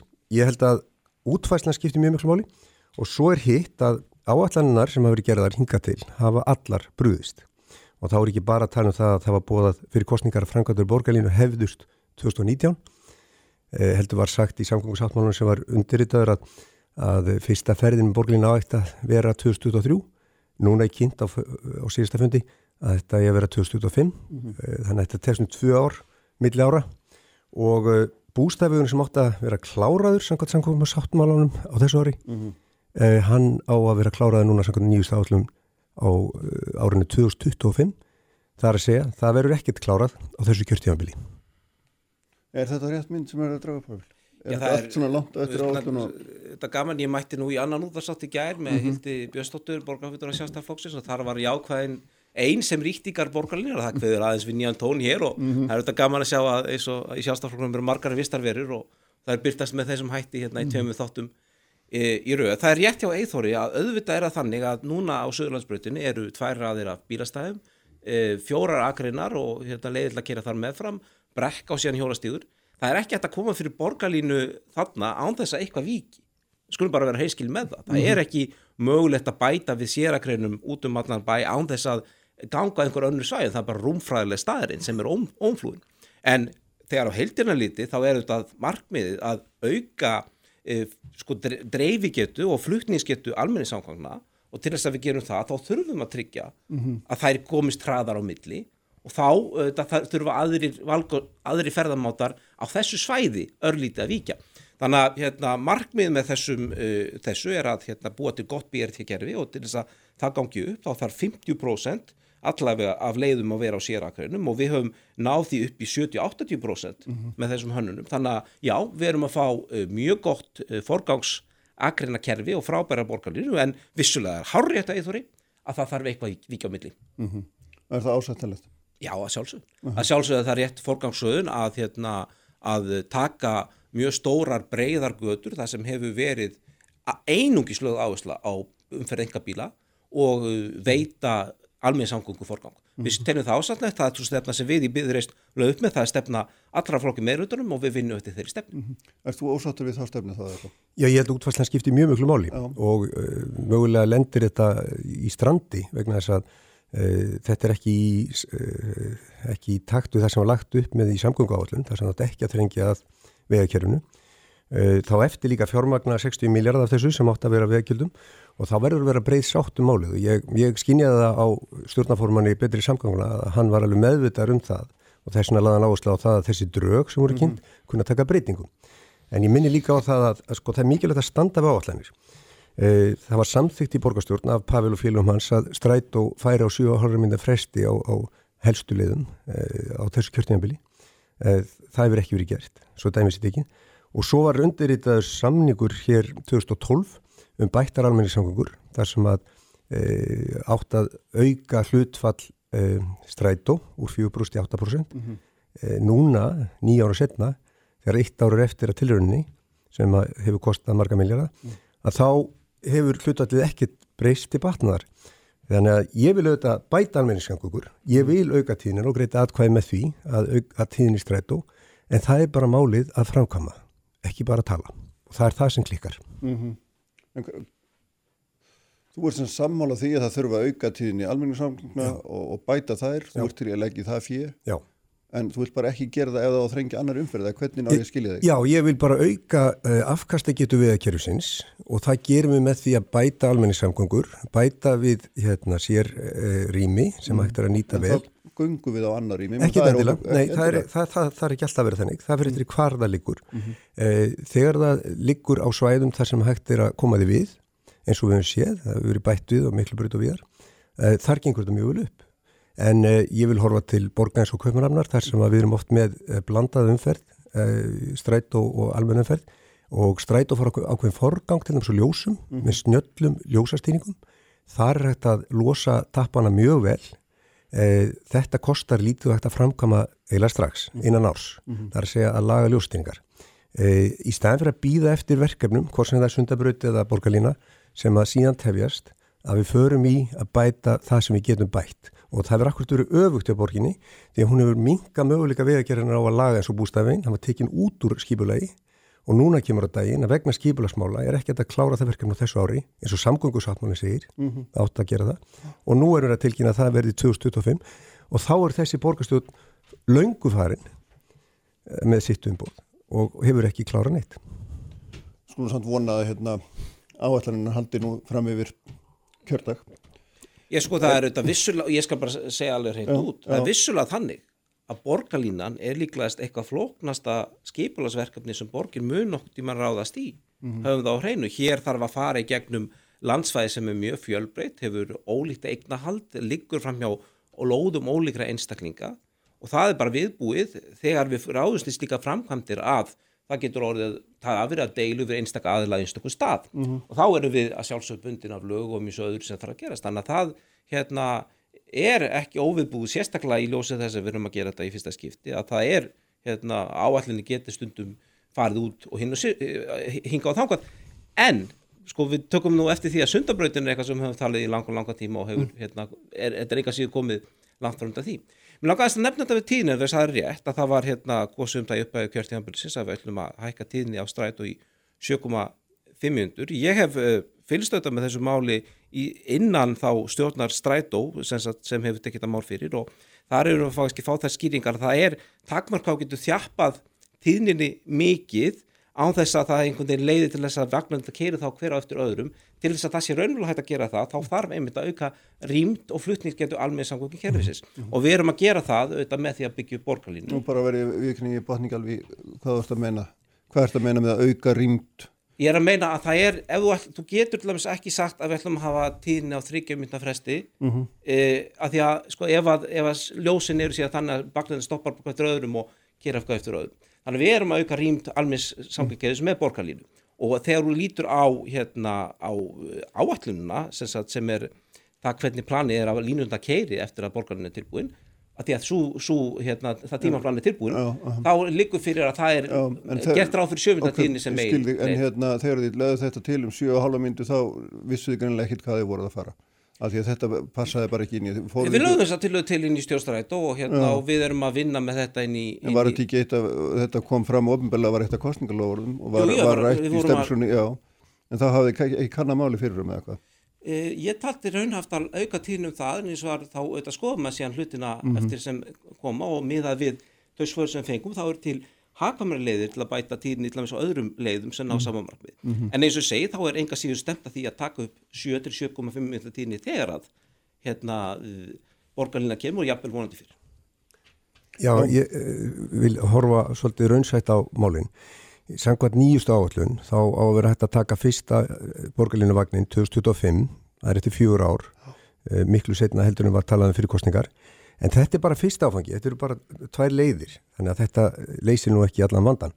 En uh, á þessum fjórum árum, þá er þetta að gera svo ótrúlega margt og eitt af því er, ég nefndi með ljósastýringarnar, mm. bætaðar, með því að vera með snjallvæðingu þar svo úr með myndavelar og, og forgang fyrir strætó, þá getur þú losa tappan, tafatíman, mm. Gríðarlega mikið. Og við bentum þetta, það er þetta að fara í aðgeri strax. Ég held að fólk hafi ekki trúa því fyrir síðustu kostningar að borgarleginn ætti að koma 2025 og menn ætti að býða þetta í raun og veru næstu tvö kjörtíðanbíl eftir að fá að taka fyrsta vagn en, og, og gera ekkit á að meðan. Varðlega er það þannig hérna, að við ætlum ekki að gera neitt annað já, já, næstu árin. Samkvæmt planinu átt að klára, samkvæmt mm -hmm. samgöngu sáttmála átt að klára mm -hmm. Arnarnesveg og bústæfi á þessu ári, mm -hmm. hvorugt verður gert og uh, bústæfivegurinn er núna planið 2025, mhm. fjórum árum setna heldur nú að samiðum bara fyrir rúma ári síðan Já, hérna svo ég, maður vittnir nú í hann Átna Mattsson sem er hérna, en ekki stjórnar formadur þessa verkefnis, hérna borgarleginu verkefnisins að, að þarna undir einhverju nafni sem er dotti úr mér í ögnublikinu. Betri samgangur? Betri samgangur er nákvæmlega rétt sko, hann segir þessi þrend sem að þurfa að hafa í huga, er fyrsta lega tímasetninga standist, öðrulega kostnara áallum standist og í þriðalega markmiðum samgangu hefur náist. Heldur að ég veit að þú skrifar upp á þetta er góð markmið en, en hefur í raun og veru Pavel, raun og veru trú á því að þið getur staðið undir við þetta með að við bara eitthvað er bara að rekja hér dæmi um við höfum um alltaf sett þetta í, hérna, í þennan farveg að hérna, búa til þetta félag og þá eru komin hérna, að því ég meint, vil ég minna jákaði kvatar fyrir þannig að eh, ofnverð hlutafélag með mm. stjórn um að, eh, að bæði komu í verð þeim eigum sem félagin hafi faldar til að fjármagna þetta verkefni sem eru sem eru lönd í eigu ríkisins sem á að þróa og síðan þá hérna, mjög hægt fólk til þess að íta þessu verkefni áfram. Þannig ég er alltaf fullu bjart sinni og hérna, það er ljóst auðvitað þetta sem, hérna það má þetta segja að hérna, vissulega vilja allir að hluti gerir straðar og fyrr. En við höfum samtilega alltaf stæðið þá vegferð og hún er nokkuð skýr og hérna, hún hefur komin miklu lengur hendur hún var fyrir 3-4 árum og auðvitað var þannig hún gerist ekki með atkvæðum uh, eithós eða sjástarflóksis.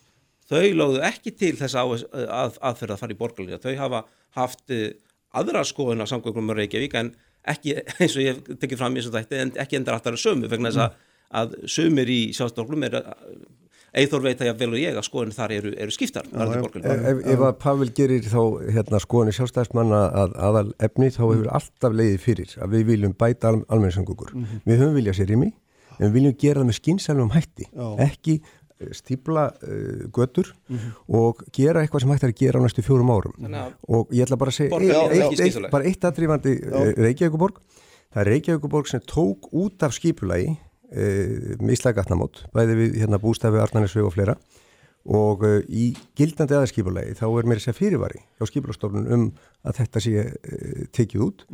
Og e, það er síðan samið aftur og aftur af hálfuborgarna 2015 og 2019 um það að það eigi að opna fyrir því skipulegi en núna í februar á að auglýsa viðauka við aðarskipulegið og þar er uh, breyting á bústafi ekki inni og þetta var gildið til 2040. Það er bara mjög skinsamlegt að Reykjavík og Borg hafa á sínu tíma ákveð að setja ákveðna framkvæmdir on hold Mm. að maður samverðum ríkið um sín sem ég held að sé miklu skinsamlegri.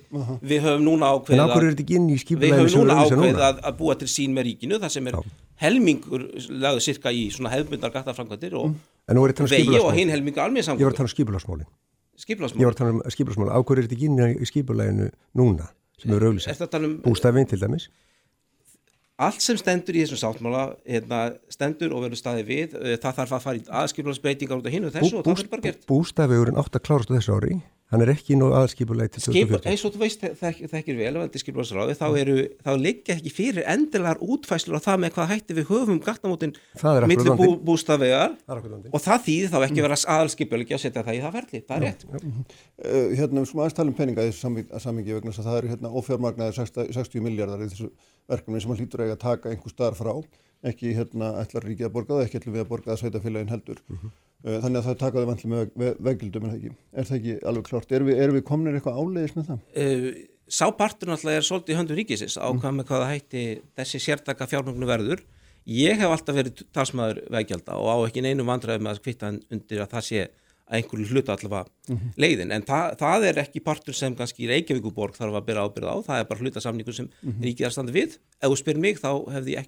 að Eithor, Já, ég, ég, að því við nefndum sundabrut og Já, borgarlínu, já, já. þá er munurinn til dæmis sá að sundabrut er hugsuð sem sjálfbær framkvæmt þar sem að eru veikjöld alltaf frá uppafi samþýgt og, og það líkur fyrir að það er leiðin sem á að fara. En eh, varðandi eh, fjármögnum samgóngusáttmálans þá er það rétt sem hún nefnir að það vantar 60 miljardar inn í fjármögnuna og ég hef ekki heyrt nokkuð tala fyrir veikjöldum að- sem er núna er að fara í þingframbóð þannig að ég er ekki björsin á að það klárist fyrir þingkostningar Mhm. Eh, þannig að það er ennþá gatt En það er, það er sérst, við erum að tala um annars vegar veggjöld fyrir borgarlínu sjálfa, um að greiði, er það ekki, uh, það verið greitt eitthvað með sérstaklega fyrir hana, til þess að fjármagna hana og síðan eru þetta að tala um veggjöld fyrir sundabrautina sem hugsanlega verður þá framkvæmt í einhvers konar enga framkvæmt. Jú, sundabraut er ekki beinleis partur af þessum samgöngupakka Nei, með þeim það hætti þannig að það er rétt, það geti verið ólík hérna, það geti verið um ólík vekkildur að Já, já. En, en nú, nú ert sko að spyrja eh, ég, ég sem fyrir Reykjavíkuborgar kemur þetta bara þeim megin að hérna, ákveða framlega Reykjavíkuborgar og þetta er sá partur sem ríkið lofaði þú ert líka fulltrú okkar íbúan í þessu, þannig Að- þú ert að segja við okkur að hérna, við þurfum að borga fyrir að vera í borgarlínu og við þurfum líka að borga fyrir að fara inn út úr bænum yfir sundabrautina, er það ekki? Eh, Ég hef aldrei verið hérna á móti því að rukka Nei, nei, fyrir ég- nei, umferð nei. eða bílastæði Nei. en nokkuð þátt þannig að ef þú ert að reyna að fá mig til að svara því mjög hreint út þá hefði ég ekkert móti því nei. Það er eitt sem vantar í viðbót Já. og það er rekstra áallun fyrir borgarlínuna. Eh, Það er lagt upp með að 12% ferða verði eh, með borgarlínu og almenn samgöngum en við höfum aldrei síðan eina rekstra áallun yfir það og þar er viðbóta kostnaður sem annarkort lendir þá í herri farkjöldum eða, og eða auka skattemdu. Þannig að, að ég held að það mál þurfu líka að skoða, ekki bara framkvæmt áallun. Ég, nú bara liggur þessi skýsla frá hérna, fyrir og þar er, kemur fram uh, áallunum herri ekstra kostnað borgarljónu þannig að það er ekki rétt að þetta hefði aldrei verið skoðað. Þetta er reyndar, ég er búin að ræða þetta við verkvæninga og fleiri sem koma að þessu og þetta eru viðmið en ekki áallun. Já, s- enga síður, þetta er svolítið fyndið að koma hér og ræða annars vegar um til dæmis sundabraut sem er framkallum sem hefur ekki en þá farið í þjó sko, borgarlíðin er búin að fara í gegnum félagshagfélag greiningu sem er eitthvað ítalasta greining á þjóðhaldastar hagkvæmni sem hefur verið gerð fyrir nokkuð mannvirki eða umfæraða samgöngubót á Íslandi. Síðan erum við með sundabraut sem hefur ekki farið í þannig, þannig greiningu. Við erum nefna hér fjölda önnur gatnamót sem hafa ekki farið í sambarlega greiningu en eru enga sér gríðala dýr. Við vitum það, samankvort okkur þykir vænt um Arnarnarsveg eða ekki, samankvort okkur þykir vænt um gatnamót bústaðvegar og reykjarnarsbreytar ekki, þá er þetta alltaf framkvæmdir sem kosta miljard. Þær hafa ekki farið í gegnum sambarlega greiningu sem Eithor hérna kalla til að verði rýnd með sko eins miklum hægt og hægt er, sem er aftur lægi, það er alltaf lægi að rýna fá mjög vel en hún hefur verið rýnd miklu Ok, betur ég- heldur margar aðra framkvæmdir og flestar Ég ætla bara að segja eitt hérna, mm. nefna snöru í Hingsmannshúsi, að hérna Gæja, eh, hérna var framkvæmt á vegum sveitafélana sem fór langt fram á ráallun og þar eh, endaði þetta mjög ílega á sorpu. Rekstra ráallun, við köllum eftir henni, fengum aldrei skýrsör og niðurstaðan var svo að sorpgjöldin hækka á, á borgarbú og höfuborgarsvæði gríðarlega núna þessu ári vegna þess að þar var framúkysla og það er okkar hlutverk í borgarstofn að kalla eftir áallunum og þegar að þær eru alltaf að breytast að þá eigum við náttúrulega að spurja spurninga og staldra við. Þetta er ekki flóknar. Það er þetta ágætt að spyrja spurning og stalla Já, við en já. heildar sínin sem er mjög skemmtilegt að fá heildarmynd hérna yfir er það hvort að menn séu tilbúnir í þessa miklu og dýru framkvæmt sem mun breyta borgin og bæta alveg samgöngur Já, eða ekki. Það er grundvallaradrið. Já, ég, ég, ég er al, algjörlega tilbúin í að við fjárfæstum í samgöngum en gerum það skynselega og verum með áallanir sem standast. Ég er ánæður að komi núna stjórn í, í betri samgöngum og ég skynja á þeim að þau ætla að taka þetta alveg, sitt hlutverk og það er komið tími til því að maður er búin að heyra svona lofur sem ekki var staðistinga til. Jámundi, takk fyrir báðið tveir. Takk sem leys. Höldum áfram hérna, ætlum að fjalla aðeins um hlutskipti smára á meðalstóra fyrirtækja. Sigmar Vilhjálmsson verður hérna hjá mér eftir augnablik. Sprengisandur, alla sunnudaga á bylgjunni. Bylgjan er með þér allan daginn. Uppspretta frétta á Sprengisandi á bylgjunni. Sælir aftur hlustundur, við erum hér að loka sprettinum á sprengisendunum í dag. Þeir eru farin frá með Pál Bartutsek og Eithor Arnalds borgarfulltrúar báðir. Við vorum að ræða borgarlínuna og blanda henni svona saman við sundabrautin. Þetta eru tvær í burðarliðnum getur maður sagt á svona næstu, næstu árum allavega. Sem búið að tala um sundabraut í 40 ára og hún voru alltaf verið í burðarliðnum þannig að það borgar sig kannski ekki að, ekki að slá alltaf miklu förstu þar. Svona maður vil hafa vaðið fyrir neðan sig. En ég ætla að skipta um gýr því að Sigmar Vilhjálmsson veitingamæður er sestur hérna hjá mér, blessaður og og velkomin. Já, sætustu. Svo þú hefur verið að fara, þú hefur verið að fara ganga fyrir hvers maður styr, getur við sagt, berja á hvers maður styr og hérna uh, og tala fyrir, fyrir hag þess að þú, kallar smá að meðalstór fyrirtæki. Finnst það að verið hlundfarin í, í hérna aðgerðum ríkistjórnarinnar á þessum COVID-tíma, þau ekki fengið nóg, þetta er svona rétt neginn rétt lýsingar það ekki. Jú, kannski svona að einhverju leiti. Já, Uh, sko það kemur fram hérna, maður bara byrjar að svona ég var að fletta upp sko að ríkið sjálft er að gefa út yflýsingum fyrir tveimur dögum um að hvað sögðu þeir að, að hérna nú týndi ég þessu nú svo maður munið þess að tölur þeir voru að leta, leta byrði á virðisaukaskatti á smærri 50 fyrirtæki eru 82% þeirra sem nýta úrræði vegna einsfældursins Já, já, þannig að þarna fyrir hvað er þú þá að tala? akkurat, sko, uh, til, þess að, til þess að ná utanum þessa umræð, þá skiptir máli bara að almenningu skilji þetta, því að sko 71% allra launþega á Íslandi er að vinna hjá litlu og mittistóru fyrirtæki. Já, og litlu og mittistóru fyrirtæki eru 99,6% allra fyrirtæki á Íslandi Þannig að- að- já, Já, ok. þannig að þegar þú segir 82% hafa nýtt sér úrræði vissulega, en, en hver er fjárhæðin eh, þá er þessu ekki þá er ekki sama vogarafli í, í, í prósentunum. Það er miklu, miklu minni fjárhæðir farnar í lítil og millistof fyrirtæki en stórfyrirtæki og það er auðvitað eðli stærða fyrirtækjana. Eh, og svo náttúrulega kannski vil ég byrja á því að segja auðvitað ætti ég veitingamæðurinn ekkert að vera hér. Hérna ætti auðvitað að vera hagsmuna samtök lítil og millistóra fyrirtækja sem í dag heitir SA og gaggrinni mín hefur líka beinst að þeim, ég meina mér finnst þeirra vinna fyrir hag lítill og millistóra fyrirtækja ekki hafa verið mikil. Ég held að séu 1600 fyrirtæki í SA sem er Já. lítil og milli stór fyrirtæki, þau Já. eru bara samtök þeirra, hvernig getur þau ekki verið að vinna Ég sko, fyrir þau? það er bara eðli samtakana því að þú borgar ákveði gjald inn til samtaka aðtunulífsins, það miðast við ákveðna prósentu af launakostnaði og, og hvert atkvæði fylgir þúsund, þúsund krónum fylgir hvert atkvæði og svona til þess að einfalda þetta bara sem dæmi, Marel er með meiri atkvæðisrétt inn í samtökum aðtunulífsins heldur en öll lítil og millistór fyrirtæki samanlagt. Og Er inn í þú sjálfur í SA? Ég er ekki í SA, en ég Af hverju samt ekki? að því að ég sé bara ekki hag mínum borgið inn í SA, þeir eru ekki að vinna hagsmuna málum uh, lítill og millistóra fyrirtækja. Þess vegna er ég ekki að borga þangað inn. En mér ber samt að fylgja þeirra kjara þeir, hafa kjararéttin fyrir mig Já, og mitt fyrir, ég þarf að fylgja kjarasamningu sem þeir gera og þess vegna segi ég Það er ekki alltaf betra að vera innan við og reyna að hafa áhrif heldur en að sitja fyrir utan? Já, þú hefur ekki þessi áhrif, Þa, það er málið. Mhm. Hverjum þúsund krónum fylgir atkvæði og það þýðir ónýttanlega stærstu fyrirtæki fara með uh, atkvæðaréttin í félaginu. Og, og SA er uh, síðan auðvitað kannski gallað öðru leiti því að þarna inn eru líka félag fjármannastofnana og þarna er félag orkufyrirtæki sem auðvitað ekkert heima inn í hagsmuna samtökum annara Það er fyrirtæki. samtökum, veitinga, nefn hvað heitir það, samtök Vestlun á þjónustu? Verslun og þjónustu. Nei, ég er það ekki heldur sko, Ekki af því að heldur, það er sama lögmáli þar. Það sem það þarf að gera er einfallega aðeins að horfa á þetta upp á nýtt, annarkvort að, að setja eldveggi innan þessa milli lítil og millistóra fyrirtækja Mhm. og stórfyrirtækja, búið til tvær stjórnir innan þegar við erum bara stopnað í samtök Mhm.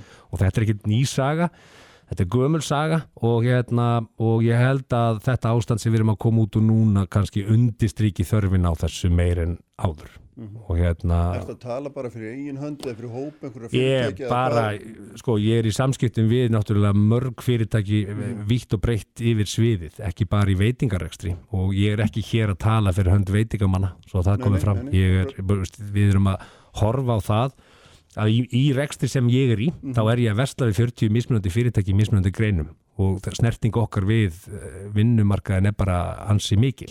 Veist, í framleyslu, heilsölu, þjónustu, verslu, alls konar, alls konar hérna, fyrirtæki sem við eigum í viðskiptu við. Og það segja allir sömu söguna, þessi fyrirtæki sem eru ennþá í gangi núna hafa verið að lifa tímabil þar sem að þau hafa þurft að vera að, að, að búa við uh, tekifall en ekki tekifall sem fellur inn í þessar hérna, aðgerið sem ríkistjóttin hefur búið upp á. Og það er, það er eitt af því sem ég vil gaggrina ég meina aðgerðina sem hafa verið lagða fram þær eru allar eh, í flokknum rústabjörgunni eða varnarleikur. Á sama tíma eru þessi millistóri og litli fyrirtæki sem eru ennþá í gangi og halda þó upp í atvinnustíginu að þau hafa ekki beint fengin eina meðgjöf. Og ég er að segja og ég vil líka taka skýrt fram að ég myndi aldrei byggja ríkið um styrki eða ölmusu. Það er ekki hlutverk ríkisins eða almannan fjés að vera að styrkja fyrirtæki í enga en það er það samt sem áður sem hefur gerst í þessum Hvaða úrræðum. leið hefur þá viljað fara? með? Það Lán. fara öll lönd á vesturlöndum þessa leið að styrkja fyrirtæki með þjóðverðinni mókuðu Já. peningin í fyrirtækin sín. Ég átta mig á Það er því. bara að afþakka það. Já, ég segi það er ekki það sem að fyrirtæki eiga þykja. Fyrirtæki eiga þykja mögulega fyrirgreyslu og lán. Þá hefðu þau bara öll farið beint á hausum Nei, og lokað. ég er ekki sammála því og, hérna, og það er alls ekki það, þannig. Það var bara algjört hrun í tekjum þeirra, algjört, bara Já. 90% af tekjunum bara fór.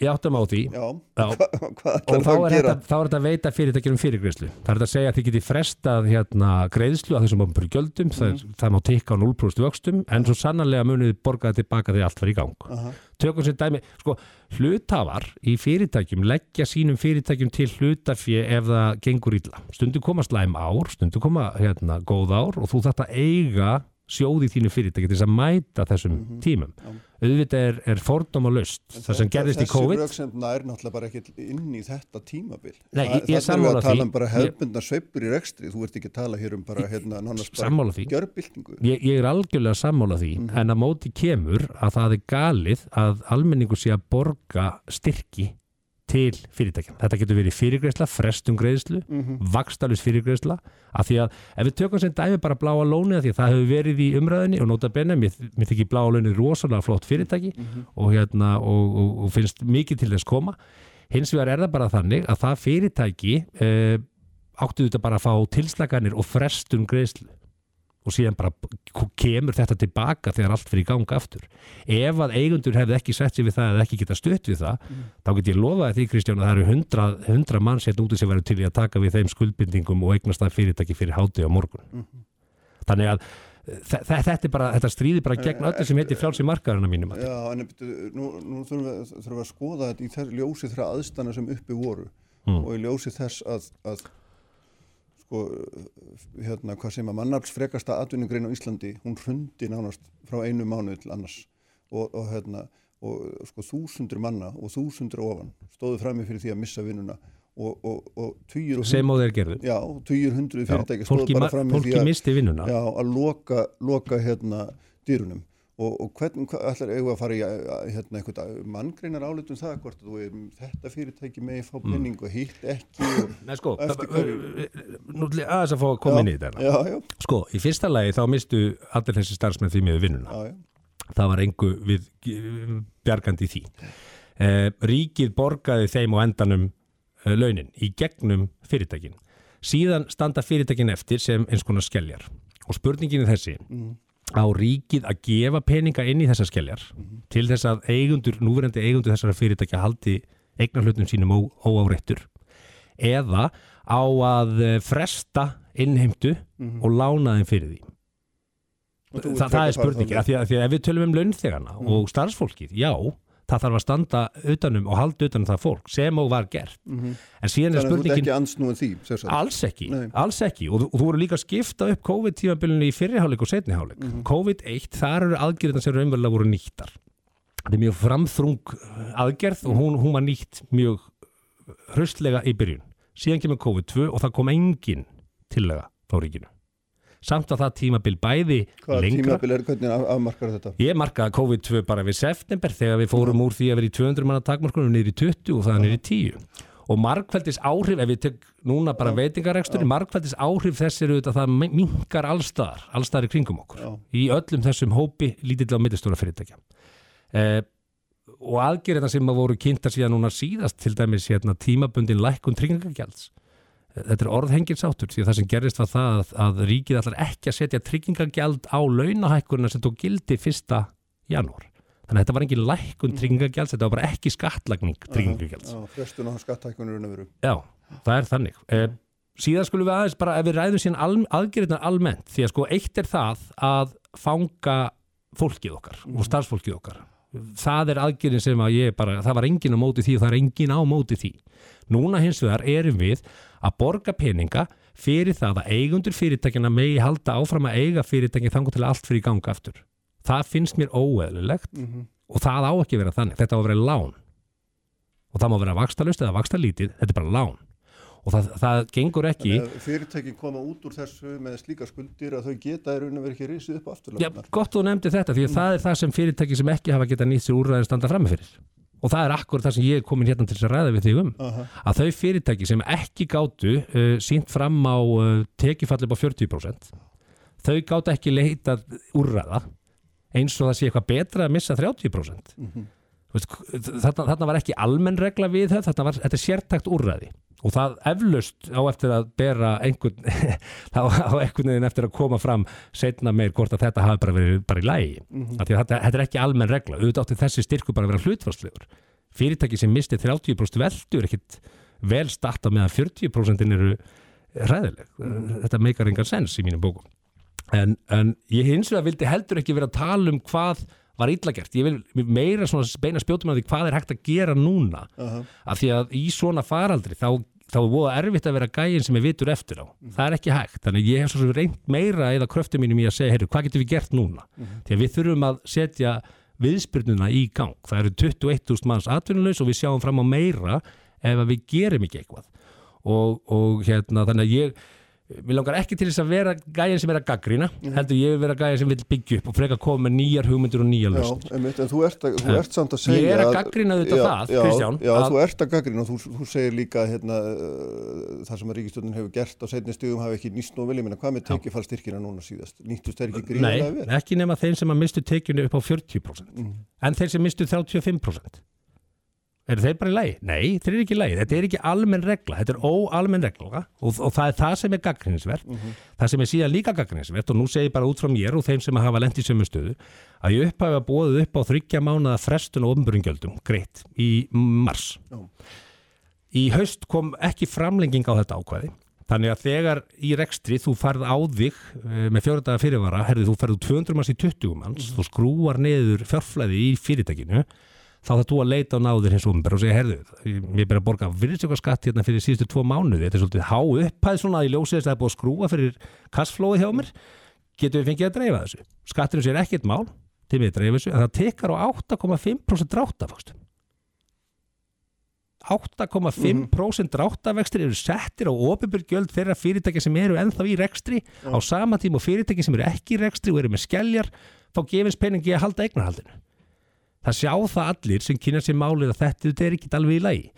Þannig að við þurfum að vinda ofan á þessu og ég, ég, vil, ég vil bara meina það að, að einhverju hafi bara sofið á verðinum og menn þurfum bara að segja, herru, þetta voru bara mistök við þurfum að spóla þessu tilbaka við þurfum að gera þetta aðeins öðruvísi. Af því að þegar öll er á botning kvöld þá eru það lítil og millistof fyrirtæki sem eru hryggja stikkið í íslensku samfélagi það er einhverjum blöðum það að fletta. 71% allra launþegar að vinna þarna sem þýðir að 71% allra greiðinda í lífrisjóður að vinna þarna og lífrisjóður hafa ekki sérst í þessu ferli. Bankar eru bankar, þeir veita ekki lán á eðlilegt sjóðstreim í dag þannig að lítil og mittistof fyrirtæki sem oft eru leyendur í húsnaðum, hafa ekki fastegna við þess að leggja frammi, þeir þurfa að fara í persónulegar ábyrðir, setja allar eigu sínar undir til þess að fá eðlilega fyrirgröðsli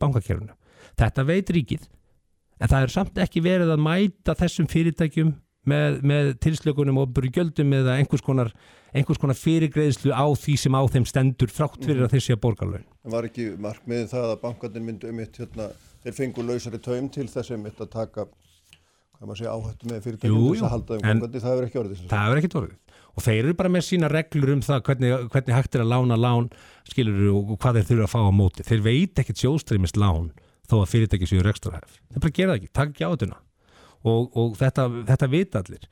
Ég hef rætt þetta við fjármálaráðra, ég er búin að senda erindi, ég er búin að fara á fundi með þeim sem skipta máli og auðvitað erum en uggandi yfir þess og vilja skoða þetta. Og, og þess vegna segi ég, hérna, við langar bara til þess að uh, leggja fram tillugu hér eins og ég hef gert á blaði til fjármálaráðunetinsins og til annara sem að liggja að við þurfum að horfa á viðspyrnuna í atvinnulífinu á litlum og mittistórum fyrirtækjum og sérstaklega þeim sem eru ennþá í rekstri því að hérna, þetta, eru, þetta eru fyrirtækin sem að skila peningunum hraðast tilbaka fyrirtæki sem er að borga jafnvel fjórum, fimm sinum meir í laun heldur en hagnaðu þeirra er er peningur sem kemur strax aftur í vinnu inn til samfélagsins og hérna, ég laði til hérna, ég laði til bara tilugu sem er í þremur liðum Númer eitt, fella niður dráttavext og fyrirtæki sem er að byggja um dreifing og umbrungjaldum. Aha. Ef við ekki byrja þar. Já. Af því að þetta eru dýrustu lánin og dýrustu hvað sem kvíla á fyrirtækjum, það eru Aha. dráttavexti ríkisins. Já. Eh, framlengja staðgræslu og tryggingagjalds úrræðið og bjóða það upp á, upp á að bjóða vakstalösa greiðslufresti á tí. Mhm. Af því að núna stendur frammi fyrir hérna litlum og millistóru fyrirtækjum að borga þryggja mánada og ofnbyrju sem í mars 2020 þá borga það í engrisli í mæ. Ef þú borgar það ekki í engrisli í mæ þá getur þú dreifti á 8,5% dráttavöxtum. Galið uppleg. Og númer þrjú að bjóða þessum fyrirtækjum sem voru að greiða staðgræslu og tryggingagjald á þessum COVID-tímum lán, ekki gjöf, lán á lágum vöxtum hérna, sem nemur þeirri staðgræslu og þeirri tryggingagjaldi sem að þú greittir á árinu 2020. Það þýðir að þetta er valkvætt lán sem að fyrirtæki getur þá nýtt sér til þess að losa vanskil, að því að í pípunum eru gríðaleg vanskil, þó að þau séu ekki að byrtast inn í bókum sæðlabankans eða í bankakerfinu, því að fyrirtæki lána hvort öðru, það eru greiðslufrestir í gangi og einhverjum tíðan bútið springum blæðran og þá verður þetta dómin og kuppa effekt sem að mun hafa gríðalega alvarlegar afleðingar í förmur sér. Og ég segi bara, þetta valkvæða lán frá ríkisjóði er þið greitt tilbaka á lengri tíma. Sum fyrirtæki þurfi ekki þetta lán, gengur bara vel. En svona lán eru þau þetta sett ströng skilriði með argreðslur og, og annað sem að eigundu get ekki þar að leiðandi misnotað og svo þyrftu þetta bara að, að, að, að koma þessu fjárflæði inn til fyrirtækjana með þessum hætti því að þessi, þetta eru fyrirtæki sem geta ráðið fólkið. Þetta er fólk, að, því að það er starfsemi í gangi. Það að býða núna átekta, býða í vona og óvona að koma í þetta ferðamenn til þess að geta ítt aftur og play og ráðið fólkið, það er bara frekar slæmt upplegg og það er slæmt plan eins og staðin er núna. Þannig að hérna, Þannig að með þessum aðgerðum þá telur þú að sé hægt að auðvelda þeim sem eru enn í rekstri eða eru í fullum rekstri eða svo því sem næst að halda sjó. já, og það er, það er óeðlilegt í frjálsum, á frjálsum markaði að ríkið sé að nota almanna fjö í að borga hlutum og eigundu fyrirtækja sem er ekki í rekstri peninga fyrir að eiga fyrirtækin. Það er í, á mannamáli það sem er að gerast. Það, er- satt- þú ert að tala þá um það að þeir sé að borga laun fyrir fólk. Já, og, og, og ekki, já, já, bara Já. setja peningin til þess að þeir geti staðið við sína skuldbyttingar sem að, ég skilur, í grunin er verið að setja það- peningar það- sem kom aldrei Það kemur tilbaka. alltaf hinn spurningi tilbaka, hvað Mm. átti annað að gera? Hver er munurinn á því að þú fáir atvinninsbætur upp á x krónur eða þú fáir greitt sömu upphæð frá Það var ekki fyrirtæki? talað um að reyna að halda ráðningasambandi, halda sambandi, fólk setja ekki það er ekki, það er ekki raunin. Það er ekki raunin, hvað nei, það er fullt af fyrirtækjum í dag að þykja styrki, mm Mhm. tekið fara styrki og lókuna styrki sem er ekki með neina á launaskrá. sem eru þá að fara fram hjá reglumennurum. Já, nei, það eru bara, bara kíkt á það þú ert að reyna að halda ákveðinu eignarhaldi á fyrirtækjum Aha. í dag sko, í, í eðlilegum, eðlilegum raunheimum þá getur bara fyrirtæki skipt um eignarhald er það ekki og alveg eins og ég nefndi hérna sem að ég veit að mun aldrei gerast ég meina ég er alveg samþörur um það að það væri fullt af fólki til í að leggja fjö og eignast hlut í bláa lóninu til þess að fyrirtæki getur bara staðið sína skuldbyttingagakvart sínum starfsmönnum sem er ekkit óeðlilegt til lengri tíma. Það er alltaf lægi að fá fyrirgreyslu í formi láns eða frestun ofnbæra gjalda en það meikar engan sens að þetta sé bara styrkur eða gjöf. Og það sem ég er að segja hér sem ákveða tillugur til það er verður greitt tilbaka. Þetta er ekki peningur út úr kassanum. Þetta er tímabundi peningur hérna í lán sem skilja sér setna inn í kassan Já, já. En þetta er náttúrulega eins og hitt í sjálfu sér, er þetta bara að hugsa sem tímabundir ráðstöfun þess vegna þessi leið farin, er það ekki? Hún er farin til þess Já, hún er búin að vera í árbráðangri Já, já, ég veit það, það var náttúrulega ekki fyrir sjálf, ekki- það var það er Ég veit ég svo sem ekki að dæma það mikið tilbaka Ég er að segja, setni hálfleikurinn, COVID-2 Já, já. Þar hefur aðgerðarleysi verið algjört Og ég, ég, ég segi bara Ég, hérna, ég hef ekki tíma Ég er ekki með hagfræðing í vinnu Ég er ekki með lögfræðing í vinnu Ég hef ekki tíma til þess að vera að sinna lobbyisma Mhm. Það er svona kannski gaggrin í ESA Þetta er það sem ESA hefði átt að vera löngu byrjuð að vinni Mhm. ég, ég er að segja að hérna, menn svá á verðinum menn þurfa að segja bara, heyrðu já, þetta er bara mistök við bara, okkur yfirsást þetta, við þurfum að fara tilbaka og við þurfum aðeins að laga og rétta ég held að hann hafi verið sjokki við því að sjá að það hafa verið að rukka okkur 8,5% vexti, dráttavexti Aha. Þannig ég er alveg samfærður það, það, það, sko, það er engin vondikallir hérna, fólk er bara að átta sig á því hvernig, hvaða áhrif þetta óvænta atriði hefur á okkur sem samfélag. Mhm. og ég er ekki að gaggra neitt að kenna ykkur um eða gera einhvern að ábyrðar aðalega þessu máli. Ég er aðalega að segja, nú þurfa menn bara að horfa á þennan hluta atvinnulífsins sem er 71% allra launþega. Eitt er það að standa vörð um, um ferðarþjónustuna og þá yðngrein alveg sammála því, auðvitað þarf að gera það en það er ekki að gera það bara eða gera það endalust og einhverju tíma búið að segja herði, að 71% allra launþega hérna úti sem atvinnið öryggið þeirra er ógnað. Því er ógnað þegar skuldastaða og vanskil fyrirtækja er komin í þær hæði sem að ég veit að það er komið víða að það þarf að taka það til og horfa á það föstum augum. Og þegar maður horfir á tillögutar sem hafa komið frá hennu ofnbera þá eru engar í átt að viðsp- viðspyrnu þetta er rústabjörgun, varnalegur og nýsköpun það er ekkert í núinu og það er það sem ég er að benda og er ámælisvert og menn þurfa núna af alvöru að setjast yfir lítil mittistof fyrirtæki Sigmar Viljánsson, takk fyrir að koma. Takk. Verðum að láta sprengjandrinum lokið á þessum fara sundegi sólinn baðar hérna lögadalinn. Þetta er ótrúlega fallegt að sjá. Uh, Ívar Daví Haldursson styrði útsendingavenju, uh, allt efni á vísi.is, bilgjum.is og svo er hægt að finna okkur á þar sem þið finnið hlaðvörpun ykkar. Svo verðum ég með ykkur hér aftur eftir viku. Verðið sæl.